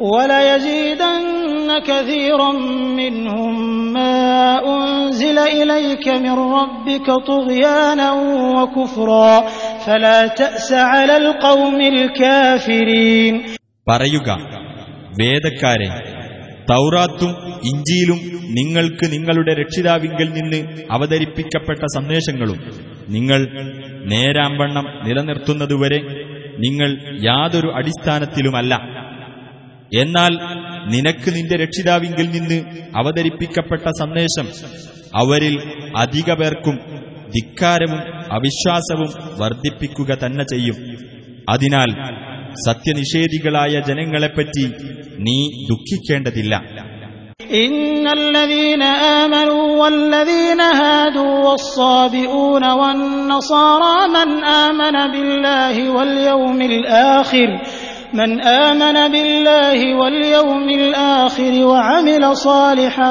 فلا خوف عليهم ولا هم يحزنون സത്യവിശ്വാസികളോ യഹൂദരോ സ്വാബികളോ ക്രൈസ്തവരോ ആരാകട്ടെ അവരിൽ നിന്ന് അള്ളാഹുവിലും അന്ത്യദിനത്തിലും വിശ്വസിക്കുകയും സൽക്കർമ്മങ്ങൾ പ്രവർത്തിക്കുകയും ചെയ്തവർക്ക് യാതൊന്നും ഭയപ്പെടേണ്ടതില്ല അവർ ദുഃഖിക്കേണ്ടി വരികയുമില്ല لقد أخذنا ميثاق بني إسرائيل وأرسلنا إليهم رسلا كلما جاءهم رسول بما لا تهوى أنفسهم فريقا كذبوا فريقا كذبوا وفريقا يقتلون ഇസ്രായേൽ സന്തതികളോട് നാം കരാർ വാങ്ങുകയും അവരിലേക്ക് നാം ദൂതന്മാരെ അയക്കുകയും ചെയ്തിട്ടുണ്ട് അവരുടെ മനസ്സിന് പിടിക്കാത്ത കാര്യങ്ങളുമായി അവരുടെ അടുത്ത്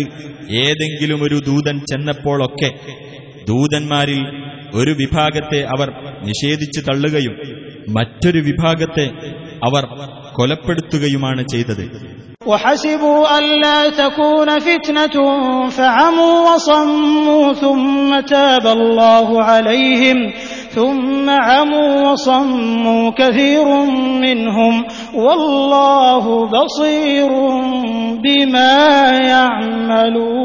يعملون ഒരു കുഴപ്പവുമുണ്ടാകുകയില്ലെന്ന് അവർ കണക്കുകൂട്ടുകയും അങ്ങനെ അവർ അന്ധരും ബധിരരുമായി കഴിയുകയും ചെയ്തു പിന്നീട് അള്ളാഹു അവരുടെ പശ്ചാത്താപം സ്വീകരിച്ചു വീണ്ടും അവരിൽ അധിക പേരും അന്ധരും ബധിരരുമായി കഴിഞ്ഞു എന്നാൽ അള്ളാഹു അവർ പ്രവർത്തിക്കുന്നതെല്ലാം കണ്ടറിയുന്നവനാകുന്നു لقد كفر الذين قالوا إن الله هو المسيح ابن مريم وقال المسيح يا بني إسرائيل اعبدوا الله ربي وربكم إنه من يشرك بالله فقد حرم الله عليه الجنة ومأواه النار وما للظالمين من أنصار മറിയമിന്റെ മകൻ മസീഹ് തന്നെയാണ് അള്ളാഹു എന്ന് പറഞ്ഞവർ തീർച്ചയായും അവിശ്വാസികളായിരിക്കുന്നു എന്നാൽ മസീഹ് പറഞ്ഞത് ഇസ്രായേൽ സന്തതികളെ എന്റെയും നിങ്ങളുടെയും രക്ഷിതാവായ അള്ളാഹുവെ നിങ്ങൾ ആരാധിക്കുവിൻ അള്ളാഹുവോട് വല്ലവനും പങ്കുചേർക്കുന്ന പക്ഷം തീർച്ചയായും അള്ളാഹു അവന് സ്വർഗം നിഷിദ്ധമാക്കുന്നതാണ് നരകം അവന്റെ വാസസ്ഥലമായിരിക്കുകയും ചെയ്യും അക്രമികൾക്ക് സഹായികളായി ആരും തന്നെയില്ല എന്നാണ് لقد كفر الذين قالوا إن الله ثالث ثلاثة وما من إله إلا إله واحد وإن لم ينتهوا عما يقولون ليمسن الذين كفروا منهم عذاب أليم അള്ളാഹു മൂവരിൽ ഒരാളാണ് എന്ന് പറഞ്ഞവർ തീർച്ചയായും അവിശ്വാസികളായിരിക്കുന്നു ഏക ആരാധ്യനല്ലാതെ യാതൊരു ആരാധ്യനും ഇല്ല തന്നെ അവർ ആ പറയുന്നതിൽ നിന്ന് വിരമിച്ചില്ലെങ്കിൽ അവരിൽ നിന്ന് അവിശ്വസിച്ചവർക്ക് വേദനയേറിയ ശിക്ഷ ബാധിക്കുക തന്നെ ചെയ്യും.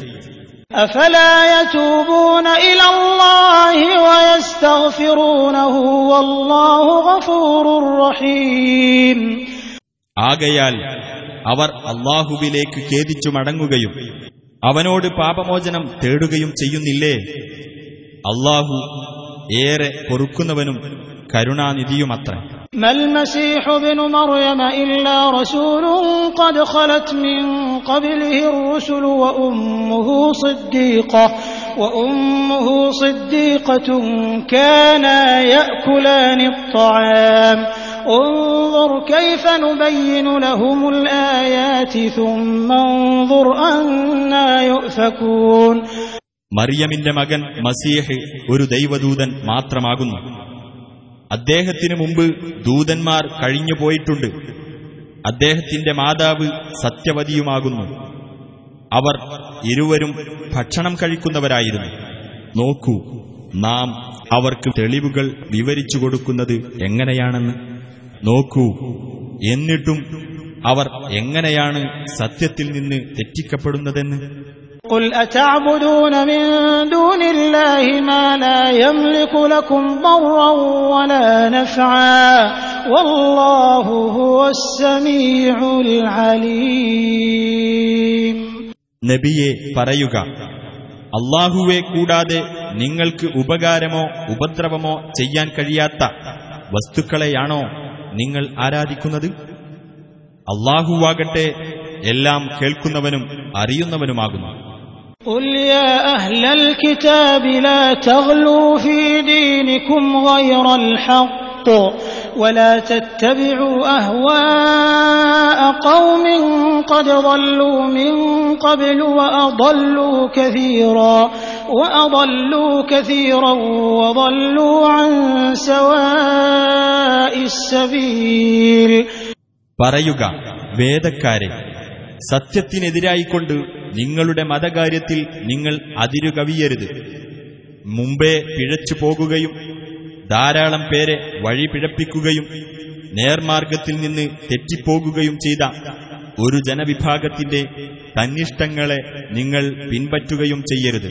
لعن الذين كفروا من بني إسرائيل على لسان داود وعيسى بن مريم ذلك بما عصوا وكانوا يعتدون ഇസ്രായേൽ സന്തതികളിലെ സത്യനിഷേധികൾ ദാവൂദിന്റെയും മറിയമിന്റെ മകൻ ഈസായുടെയും നാവിലൂടെ ശപിക്കപ്പെട്ടിരിക്കുന്നു അവർ അനുസരണക്കേട് കാണിക്കുകയും അതിക്രമം കൈക്കൊള്ളുകയും ചെയ്തതിന്റെ ഫലമത്രേ അത്.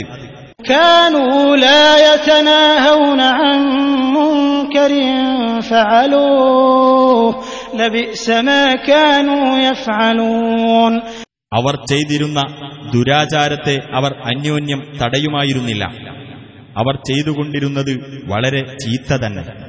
ترى كثيرا منهم يتولون الذين كفروا لبئس ما قدمت لهم أنفسهم أن سخط الله عليهم وفي العذاب هم خالدون അവരിലധിക പേരും സത്യനിഷേധികളെ ഉറ്റമിത്രങ്ങളായി സ്വീകരിക്കുന്നത് നിനക്ക് കാണാം സ്വന്തത്തിനു വേണ്ടി അവർ മുൻകൂട്ടി ഒരുക്കിവെച്ചിട്ടുള്ളത് വളരെ ചീത്ത തന്നെ അതായത് അള്ളാഹു അവരുടെ നേരെ കോപിച്ചിരിക്കുന്നു എന്നത് ശിക്ഷയിൽ അവർ നിത്യവാസികളായിരിക്കുന്നതുമാണ് ولو كانوا يؤمنون بالله والنبي وما أنزل إليه ما اتخذوهم أولياء ما اتخذوهم أولياء ولكن كثيرا منهم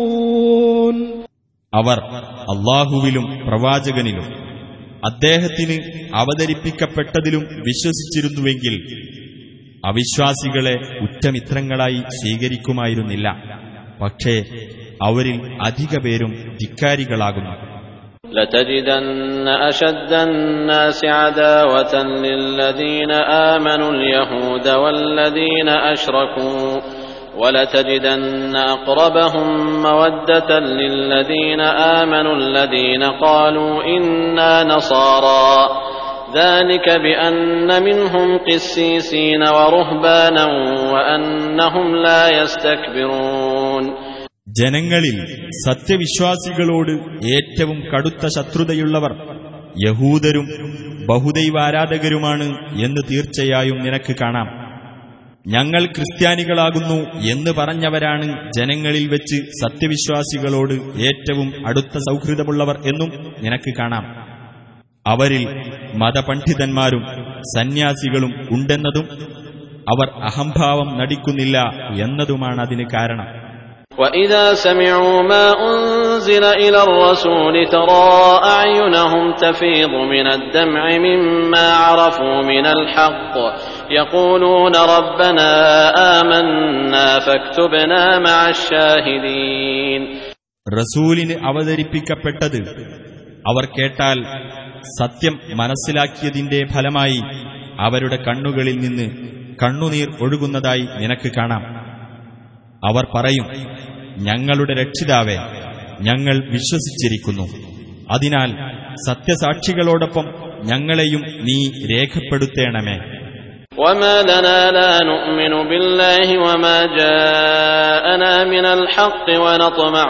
أن يدخلنا ربنا ونطمع أن يدخلنا ربنا مع القوم الصالحين ഞങ്ങളുടെ രക്ഷിതാവ് സജ്ജനങ്ങളോടൊപ്പം ഞങ്ങളെ പ്രവേശിപ്പിക്കുവാൻ ഞങ്ങൾ മോഹിച്ചുകൊണ്ടിരിക്കെ ഞങ്ങൾക്കെങ്ങനെ അള്ളാഹുവിലും ഞങ്ങൾക്ക് വന്നുകിട്ടിയ സത്യത്തിലും വിശ്വസിക്കാതിരിക്കാൻ കഴിയും فأثابهم الله بما قالوا جنات تجري من تحتها الأنهار خالدين فيها وذلك جزاء المحسنين അങ്ങനെ അവരീ പറഞ്ഞത് നിമിത്തം അള്ളാഹു അവർക്ക് താഴ്ഭാഗത്തുകൂടി അരുവികൾ ഒഴുകുന്ന സ്വർഗത്തോപ്പുകൾ പ്രതിഫലമായി നൽകി അവരതിൽ നിത്യവാസികളായിരിക്കും സദ്വൃത്തർക്കുള്ള പ്രതിഫലമത്രേ അത് والذين كفروا وكذبوا بآياتنا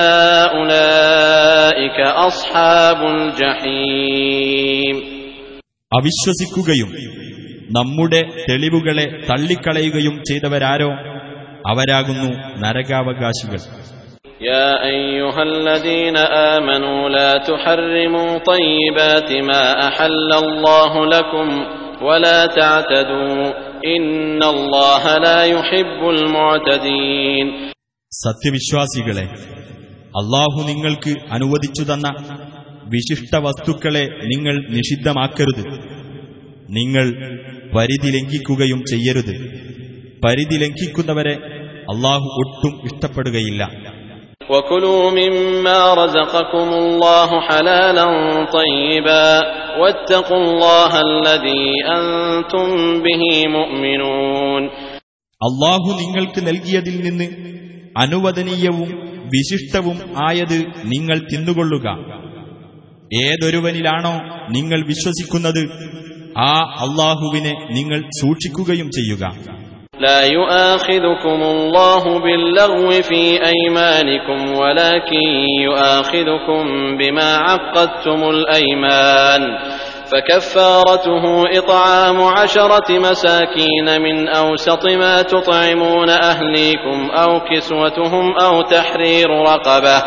فمن لم يجد فصيام ثلاثة أيام ذلك كفارة أيمانكم إذا حلفتم. واحفظوا أيمانكم كذلك يبين الله لكم آياته لعلكم تشكرون ബോധപൂർവമല്ലാത്ത നിങ്ങളുടെ ശപഥങ്ങളുടെ പേരിൽ അവൻ നിങ്ങളെ പിടികൂടുകയില്ല എന്നാൽ നിങ്ങൾ ഉറപ്പിച്ചു ചെയ്ത ശപഥങ്ങളുടെ പേരിൽ അവൻ നിങ്ങളെ പിടികൂടുന്നതാണ് അപ്പോൾ അത് ലംഘിക്കുന്നതിന്റെ പ്രായശ്ചിത്തം നിങ്ങൾ നിങ്ങളുടെ വീട്ടുകാർക്ക് നൽകാറുള്ള മധ്യനിലയിലുള്ള ഭക്ഷണത്തിൽ നിന്ന് പത്തു സാധുക്കൾക്ക് ഭക്ഷിക്കാൻ കൊടുക്കുകയോ അല്ലെങ്കിൽ അവർക്ക് വസ്ത്രം നൽകുകയോ അല്ലെങ്കിൽ ഒരു അടിമയെ മോചിപ്പിക്കുകയോ ആകുന്നു. ഇനി വല്ലവനും അതൊന്നും കിട്ടിയില്ലെങ്കിൽ മൂന്നു ദിവസം നോമ്പെടുക്കുകയാണ് വേണ്ടത്. നിങ്ങൾ സത്യം ചെയ്തു പറഞ്ഞാൽ നിങ്ങളുടെ ശപഥങ്ങൾ ലംഘിക്കുന്നതിനുള്ള പ്രായശ്ചിത്തമാകുന്നു അത് നിങ്ങളുടെ ശപഥങ്ങളെ നിങ്ങൾ സൂക്ഷിച്ചുകൊള്ളുക അപ്രകാരം അള്ളാഹു അവന്റെ വചനങ്ങൾ നിങ്ങൾക്ക് വിവരിച്ചു തരുന്നു നിങ്ങൾ നന്ദിയുള്ളവരായിരിക്കാൻ വേണ്ടി يا أيها الذين آمنوا إنما الخمر والميسر والأنصاب والأزلام رجس من عمل الشيطان فاجتنبوه فاجتنبوه لعلكم تفلحون സത്യവിശ്വാസികളെ മദ്യവും ചൂതാട്ടവും പ്രതിഷ്ഠകളും പ്രശ്നം വെച്ച് നോക്കാനുള്ള അമ്പുകളും പൈശാചികമായ മ്ലേച്ഛവൃത്തി മാത്രമാകുന്നു. അതിനാൽ നിങ്ങൾ അതൊക്കെ വർജിക്കുക നിങ്ങൾക്ക് വിജയം പ്രാപിക്കാം.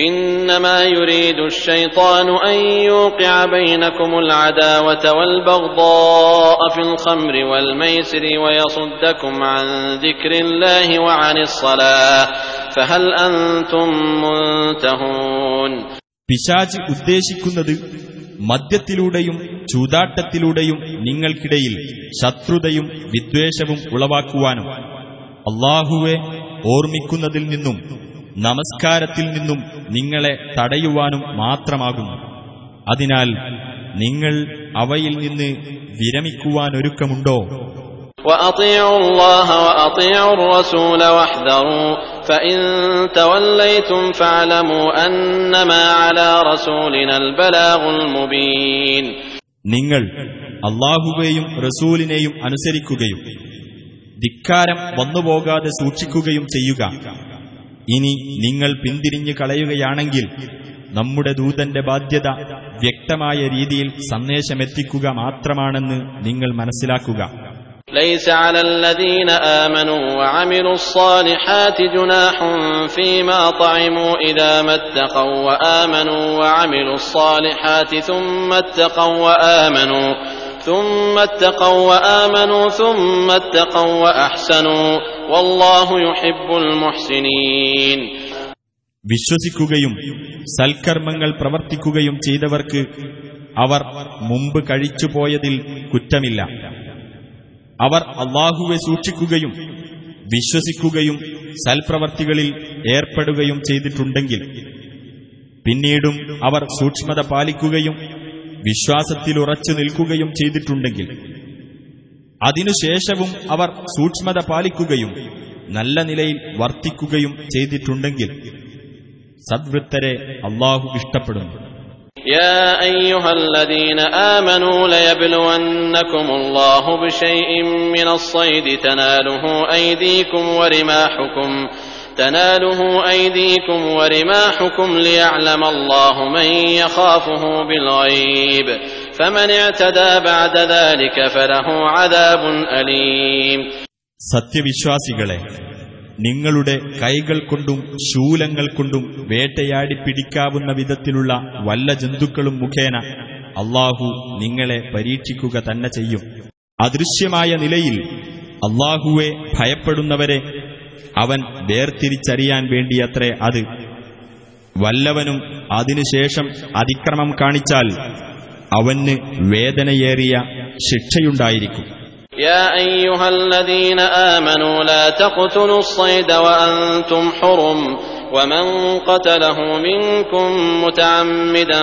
فجزاء مثل ما قتل من النعم يحكم به ذوى عدل منكم هديا بالغ الكعبة أو كفارة طعام مساكين أو كفارة طعام مساكين أو عدل ذلك صياما ليذوق وبال أمره عفى الله عما سلف ومن عاد فينتقم الله منه والله عزيز ذو انتقام സത്യവിശ്വാസികളെ നിങ്ങൾ ഇഹ്റാമിലായിരിക്കെ വേട്ടമൃഗത്തെ കൊല്ലരുത്.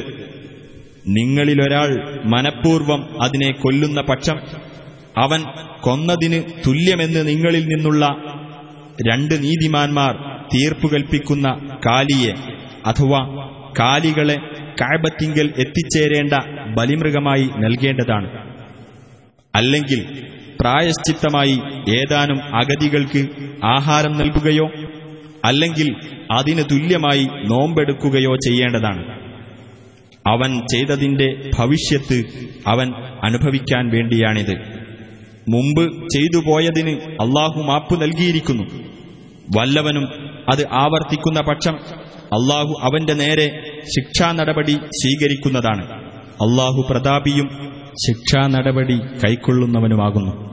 أحل لكم صيد البحر وطعامه متاعا لكم وللسيارة وحرم عليكم صيد البر ما دمتم حرما واتقوا الله الذي إليه تحشرون നിങ്ങൾക്കും യാത്രാസംഘങ്ങൾക്കും ജീവിത വിഭവമായിക്കൊണ്ട് കടലിലെ വേട്ടജന്തുക്കളും സമുദ്രാഹാരവും നിങ്ങൾക്ക് അനുവദിക്കപ്പെട്ടിരിക്കുന്നു നിങ്ങൾ ഇഹ്റാമിലായിരിക്കുമ്പോഴൊക്കെയും കരയിലെ വേട്ടജന്തുക്കൾ നിങ്ങൾക്ക് നിഷിദ്ധമാക്കപ്പെടുകയും ചെയ്തിരിക്കുന്നു ഏതൊരുവനിലേക്കാണോ നിങ്ങൾ ഒരുമിച്ച് കൂട്ടപ്പെടുന്നത് ആ അള്ളാഹുവെ നിങ്ങൾ സൂക്ഷിക്കുക جعل الله الكعبة البيت الحرام قياما للناس والشهر الحرام والهدي والقلائد ذلك لتعلموا أن الله يعلم ما في السماوات وما في الأرض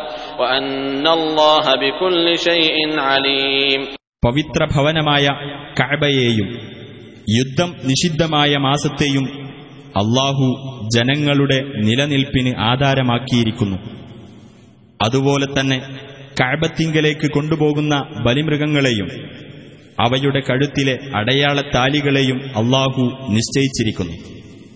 ആകാശങ്ങളിലുള്ളതും ഭൂമിയിലുള്ളതും അള്ളാഹു അറിയുന്നുണ്ടെന്നും അള്ളാഹു ഏതു കാര്യത്തെപ്പറ്റിയും അറിവുള്ളവനാണെന്നും നിങ്ങൾ മനസ്സിലാക്കുവാൻ വേണ്ടിയത്രേ അത്.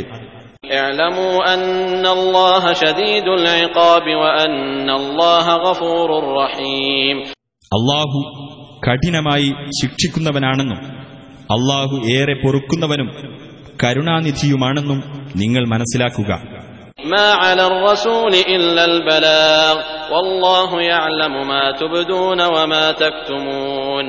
റസൂലിന്റെ മേൽ പ്രബോധന ബാധ്യത മാത്രമേയുള്ളൂ. നിങ്ങൾ വെളിപ്പെടുത്തുന്നതും ഒളിച്ചുവെക്കുന്നതുമെല്ലാം അള്ളാഹു അറിയുന്നു.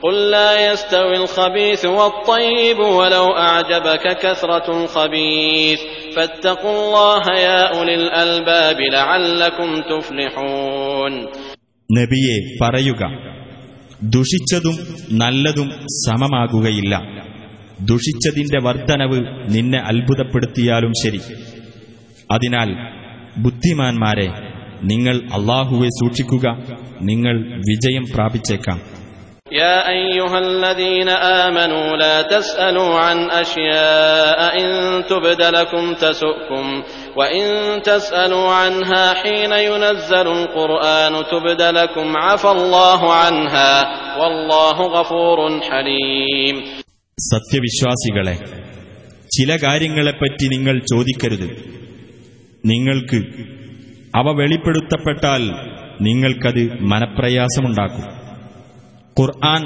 അവതരിപ്പിക്കപ്പെടുന്ന സമയത്ത് നിങ്ങൾ അവയെപ്പറ്റി ചോദിക്കുകയാണെങ്കിൽ നിങ്ങൾക്കവ വെളിപ്പെടുത്തുക തന്നെ ചെയ്യും നിങ്ങൾ ചോദിച്ചു കഴിഞ്ഞതിന് അള്ളാഹു നിങ്ങൾക്ക് മാപ്പു നൽകിയിരിക്കുന്നു അള്ളാഹു ഏറെ പൊറുക്കുന്നവനും സഹനശീലനുമാകുന്നു قد سألها قوم من قبلكم ثم أصبحوا بها كافرين നിങ്ങൾക്കു മുമ്പ് ഒരു ജനവിഭാഗം അത്തരം ചോദ്യങ്ങൾ ചോദിക്കുകയുണ്ടായി പിന്നെ അവയിൽ അവർ അവിശ്വസിക്കുന്നവരായി തീരുകയും ചെയ്തു ما جعل الله من بحيرة ولا سائبة ولا وصيلة ولا حام ولكن الذين كفروا ولكن الذين كفروا يفترون على الله الكذب وأكثرهم لا يعقلون ബഹീറ സായിബ വസീല ഹാം എന്നീ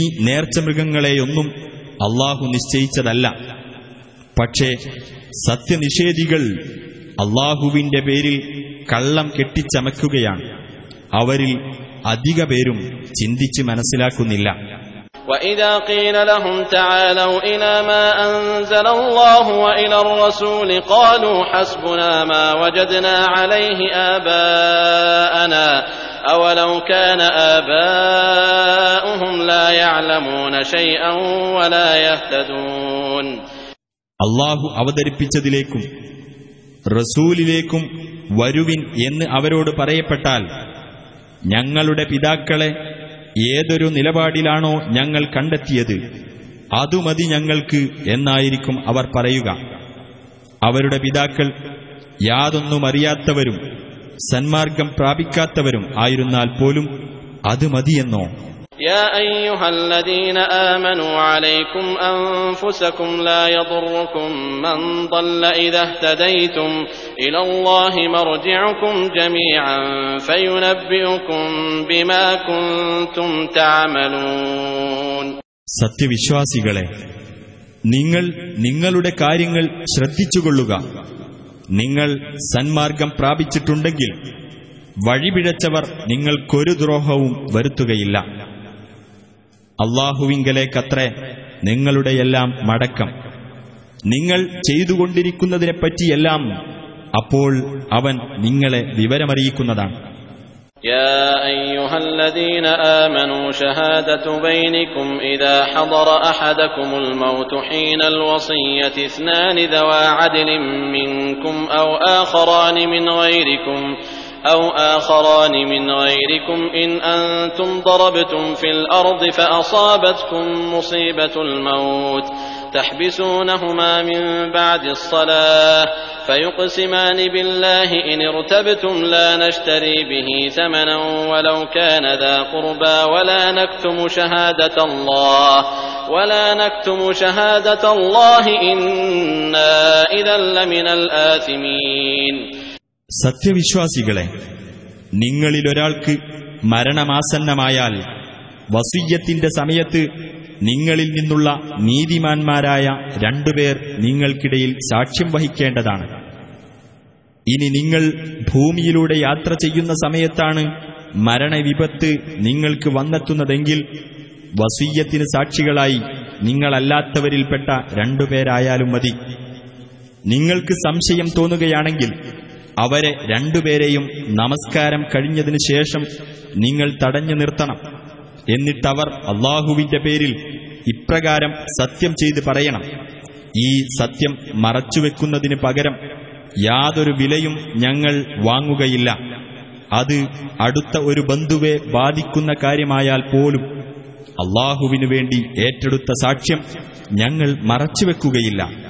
അങ്ങനെ ചെയ്താൽ തീർച്ചയായും ഞങ്ങൾ കുറ്റക്കാരിൽപ്പെട്ടവരായിരിക്കും فإن عثر على أنهما استحقا إثما فآخران يقومان مقامهما من الذين استحق عليهم الأوليان فيقسمان بالله لشهادتنا أحق من شهادتهما وما اعتدينا وما اعتدينا إنا إذا لمن الظالمين ഇനി ആ രണ്ടു സാക്ഷികൾ കുറ്റത്തിന് അവകാശികളായിട്ടുണ്ട് എന്ന് തെളിയുന്ന പക്ഷം കുറ്റം ചെയ്തിട്ടുള്ളത് ആർക്കെതിരിലാണോ അവരിൽപ്പെട്ട പരേതനോട് കൂടുതൽ ബന്ധമുള്ള മറ്റു രണ്ടുപേർ അവരുടെ സ്ഥാനത്ത് സാക്ഷികളായി നിൽക്കണം.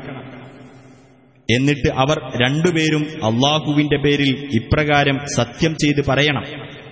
തീർച്ചയായും ഞങ്ങളുടെ സാക്ഷ്യമാകുന്നു. ഇവരുടെ സാക്ഷ്യത്തെക്കാൾ സത്യസന്ധമായിട്ടുള്ളത്. ഞങ്ങൾ ഒരു അന്യായവും ചെയ്തിട്ടില്ല. അങ്ങനെ ചെയ്താൽ തീർച്ചയായും ഞങ്ങൾ അക്രമികളിൽപ്പെട്ടവരായിരിക്കും.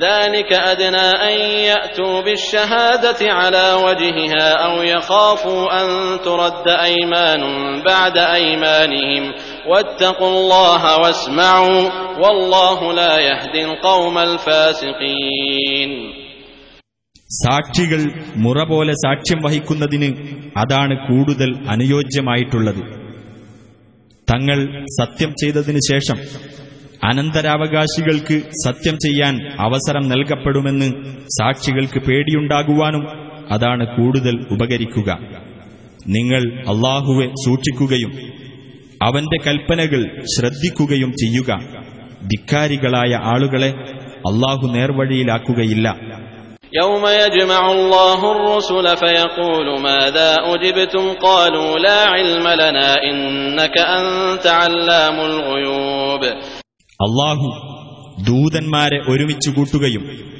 നിങ്ങൾക്ക് എന്തു മറുപടിയാണ് കിട്ടിയത് എന്ന് ചോദിക്കുകയും ചെയ്യുന്ന ദിവസം അവർ പറയും ഞങ്ങൾക്ക് യാതൊരു അറിവുമില്ല നീയാണ് അദൃശ്യകാര്യങ്ങൾ നന്നായി അറിയുന്നവൻ إذ قال الله يا عيسى ابن مريم اذكر نعمتي عليك وعلى والدتك إذ أيدتك بروح القدس إذ أيدتك بروح القدس تكلم الناس في المهد وكهلا وإذ علمتك الكتاب والحكمة والتوراة والإنجيل وإذ تخلق من الطين كهيئة الطير بإذني فتنفخ فيها فتكون طيرا بإذني وتبرئ الأكمه والأبرص بإذني وإذ تخرج الموتى بإذني وإذ كففت بني إسرائيل عنك إذ جئتهم بالبينات فقال الذين كفروا فقال الذين كفروا منهم إن هذا إلا سحر مبين ഈസായോട് അള്ളാഹു പറഞ്ഞ സന്ദർഭം ശ്രദ്ധേയമാകുന്നു മറിയമിന്റെ മകനായ ഈസ തൊട്ടിലിൽ വെച്ചും മധ്യവയസ്കനായിരിക്കെയും നീ ജനങ്ങളോട് സംസാരിക്കവേ പരിശുദ്ധാത്മാവ് മുഖേന നിനക്ക് ഞാൻ പിൻബലം നൽകിയ സന്ദർഭത്തിലും ഗ്രന്ഥവും ജ്ഞാനവും തൗറാത്തും ഇഞ്ചിയിലും നിനക്ക് ഞാൻ പഠിപ്പിച്ചു തന്ന സന്ദർഭത്തിലും എന്റെ അനുമതിപ്രകാരം കളിമണ്ണുകൊണ്ട് നീ പക്ഷിയുടെ മാതൃകയിൽ രൂപപ്പെടുത്തുകയും എന്നിട്ട് നീ അതിൽ ഊതുമ്പോൾ എന്റെ അനുമതിപ്രകാരം അത് പക്ഷിയായി തീരുകയും ചെയ്യുന്ന സന്ദർഭത്തിലും എന്റെ അനുമതിപ്രകാരം ജന്മന കാഴ്ചയില്ലാത്തവനെയും പാണ്ഡുരോഗിയെയും നീ സുഖപ്പെടുത്തുന്ന സന്ദർഭത്തിലും എന്റെ അനുമതി പ്രകാരം നീ മരണപ്പെട്ടവരെ പുറത്തു കൊണ്ടുവരുന്ന സന്ദർഭത്തിലും നീ ഇസ്രായേൽ സന്തതികളുടെ അടുത്ത് വ്യക്തമായ തെളിവുകളുമായി ചെന്നിട്ട് അവരിലെ സത്യനിഷേധികൾ ഇത് പ്രത്യക്ഷമായ മാരണം മാത്രമാകുന്നു എന്നു പറഞ്ഞ അവസരത്തിൽ നിന്നെ അപകടപ്പെടുത്തുന്നതിൽ നിന്ന് അവരെ ഞാൻ തടഞ്ഞ സന്ദർഭത്തിലും ഞാൻ നിനക്കും നിന്റെ മാതാവിനും ചെയ്തു തന്ന അനുഗ്രഹം ഓർക്കുക وإذ أوحيت إلى الحواريين أن آمنوا بي وبرسولي قالوا آمنا واشهد بأننا مسلمون നിങ്ങൾ എന്നിലും എന്റെ ദൂതനിലും വിശ്വസിക്കൂ എന്ന് ഞാൻ ഹവാരികൾക്ക് ബോധനം നൽകിയ സന്ദർഭത്തിലും അവർ പറഞ്ഞു ഞങ്ങൾ വിശ്വസിച്ചിരിക്കുന്നു ഞങ്ങൾ മുസ്ലിങ്ങളാണെന്നതിന് നീ സാക്ഷ്യം വഹിച്ചുകൊള്ളുക إذ قال الحواريون يا عيسى ابن مريم هل يستطيع ربك أن ينزل علينا مائدة من السماء قال اتقوا الله إن كنتم مؤمنين ഹവാരികൾ പറഞ്ഞ സന്ദർഭം ശ്രദ്ധിക്കുക മറിയമിന്റെ മകനായ ഈസ ആകാശത്തുനിന്ന് ഞങ്ങൾക്ക് ഒരു ഭക്ഷണത്തളിക ഇറക്കിത്തരുവാൻ നിന്റെ രക്ഷിതാവിന് സാധിക്കുമോ അദ്ദേഹം പറഞ്ഞു നിങ്ങൾ വിശ്വാസികളാണെങ്കിൽ അള്ളാഹുവെ സൂക്ഷിക്കുക قالوا نريد أن نأكل منها وتطمئن قلوبنا ونعلم أن قد صدقتنا ونكون عليها من الشاهدين അവർ പറഞ്ഞു ഞങ്ങൾക്കതിൽ നിന്ന് ഭക്ഷിക്കുവാനും അങ്ങനെ ഞങ്ങൾക്ക് മനസ്സമാധാനമുണ്ടാകുവാനും താങ്കൾ ഞങ്ങളോട് പറഞ്ഞത് സത്യമാണെന്ന് ഞങ്ങൾക്ക് ബോധ്യമാകുവാനും ഞങ്ങൾ അതിന് ദൃക്സാക്ഷികളായി തീരുവാനുമാണ് ഞങ്ങൾ ആഗ്രഹിക്കുന്നത്. قال عيسى ابن مريم اللهم ربنا أنزل علينا مائدة من السماء تكون لنا عيدا لأولنا وآخرنا لأولنا وآخرنا وآية منك وارزقنا وأنت خير الرازقين മറിയമിന്റെ മകൻ ഈസ പറഞ്ഞു ഞങ്ങളുടെ രക്ഷിതാവായ അള്ളാഹുവെ ഞങ്ങൾക്ക് നീ ആകാശത്തുനിന്ന് ഒരു ഭക്ഷണത്തളിക ഇറക്കിത്തരേണമേ. ഞങ്ങൾക്ക് ഞങ്ങളിലെ ആദ്യത്തിലുള്ളവനും അവസാനത്തിലുള്ളവനും ഒരു പെരുന്നാളും നിന്റെ പക്കൽ നിന്നുള്ള ഒരു ദൃഷ്ടാന്തവുമായിരിക്കണം അത്. ഞങ്ങൾക്ക് നീ ഉപജീവനം നൽകുകയും ചെയ്യണമേ. നീ ഉപജീവനം നൽകുന്നവരിൽ ഏറ്റവും ഉത്തമനാണല്ലോ.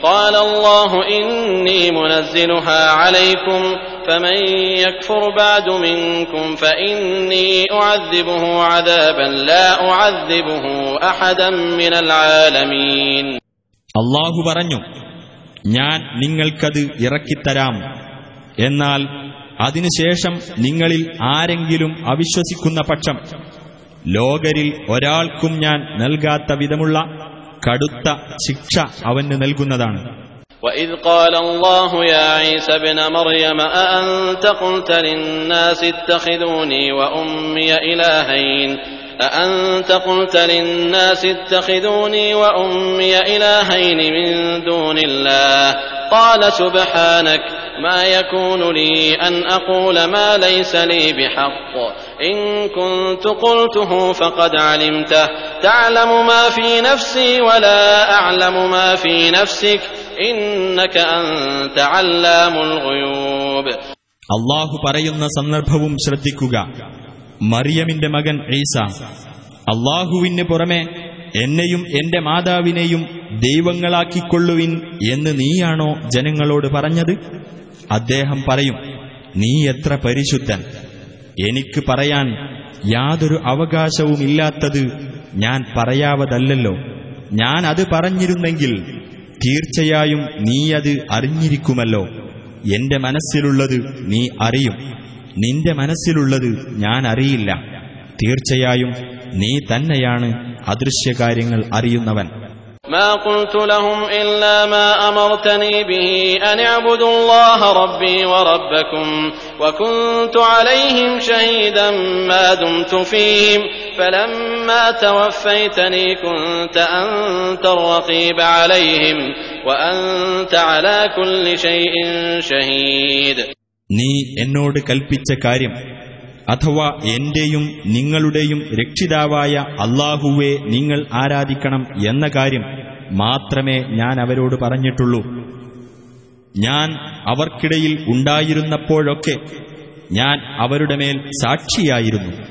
പിന്നീട് നീ എന്നെ പൂർണമായി ഏറ്റെടുത്തപ്പോൾ നീ തന്നെയായിരുന്നു അവരെ നിരീക്ഷിച്ചിരുന്നവൻ.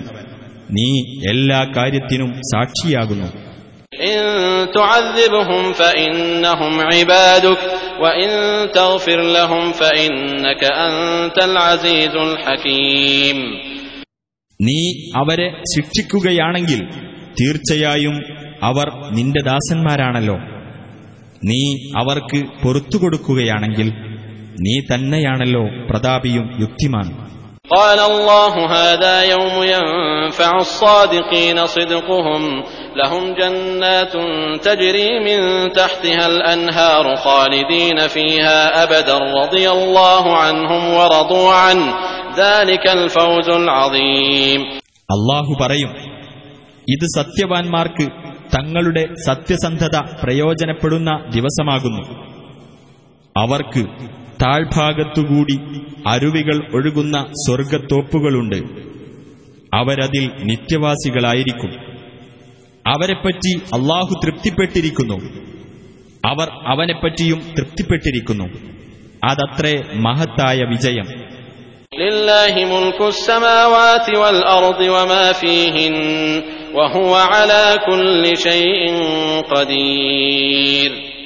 ആകാശങ്ങളുടെയും ഭൂമിയുടെയും അവയിലുള്ളതിന്റെയും ആധിപത്യം അള്ളാഹുവിനത്ര. അവൻ ഏത് കാര്യത്തിനും കഴിവുള്ളവനാകുന്നു.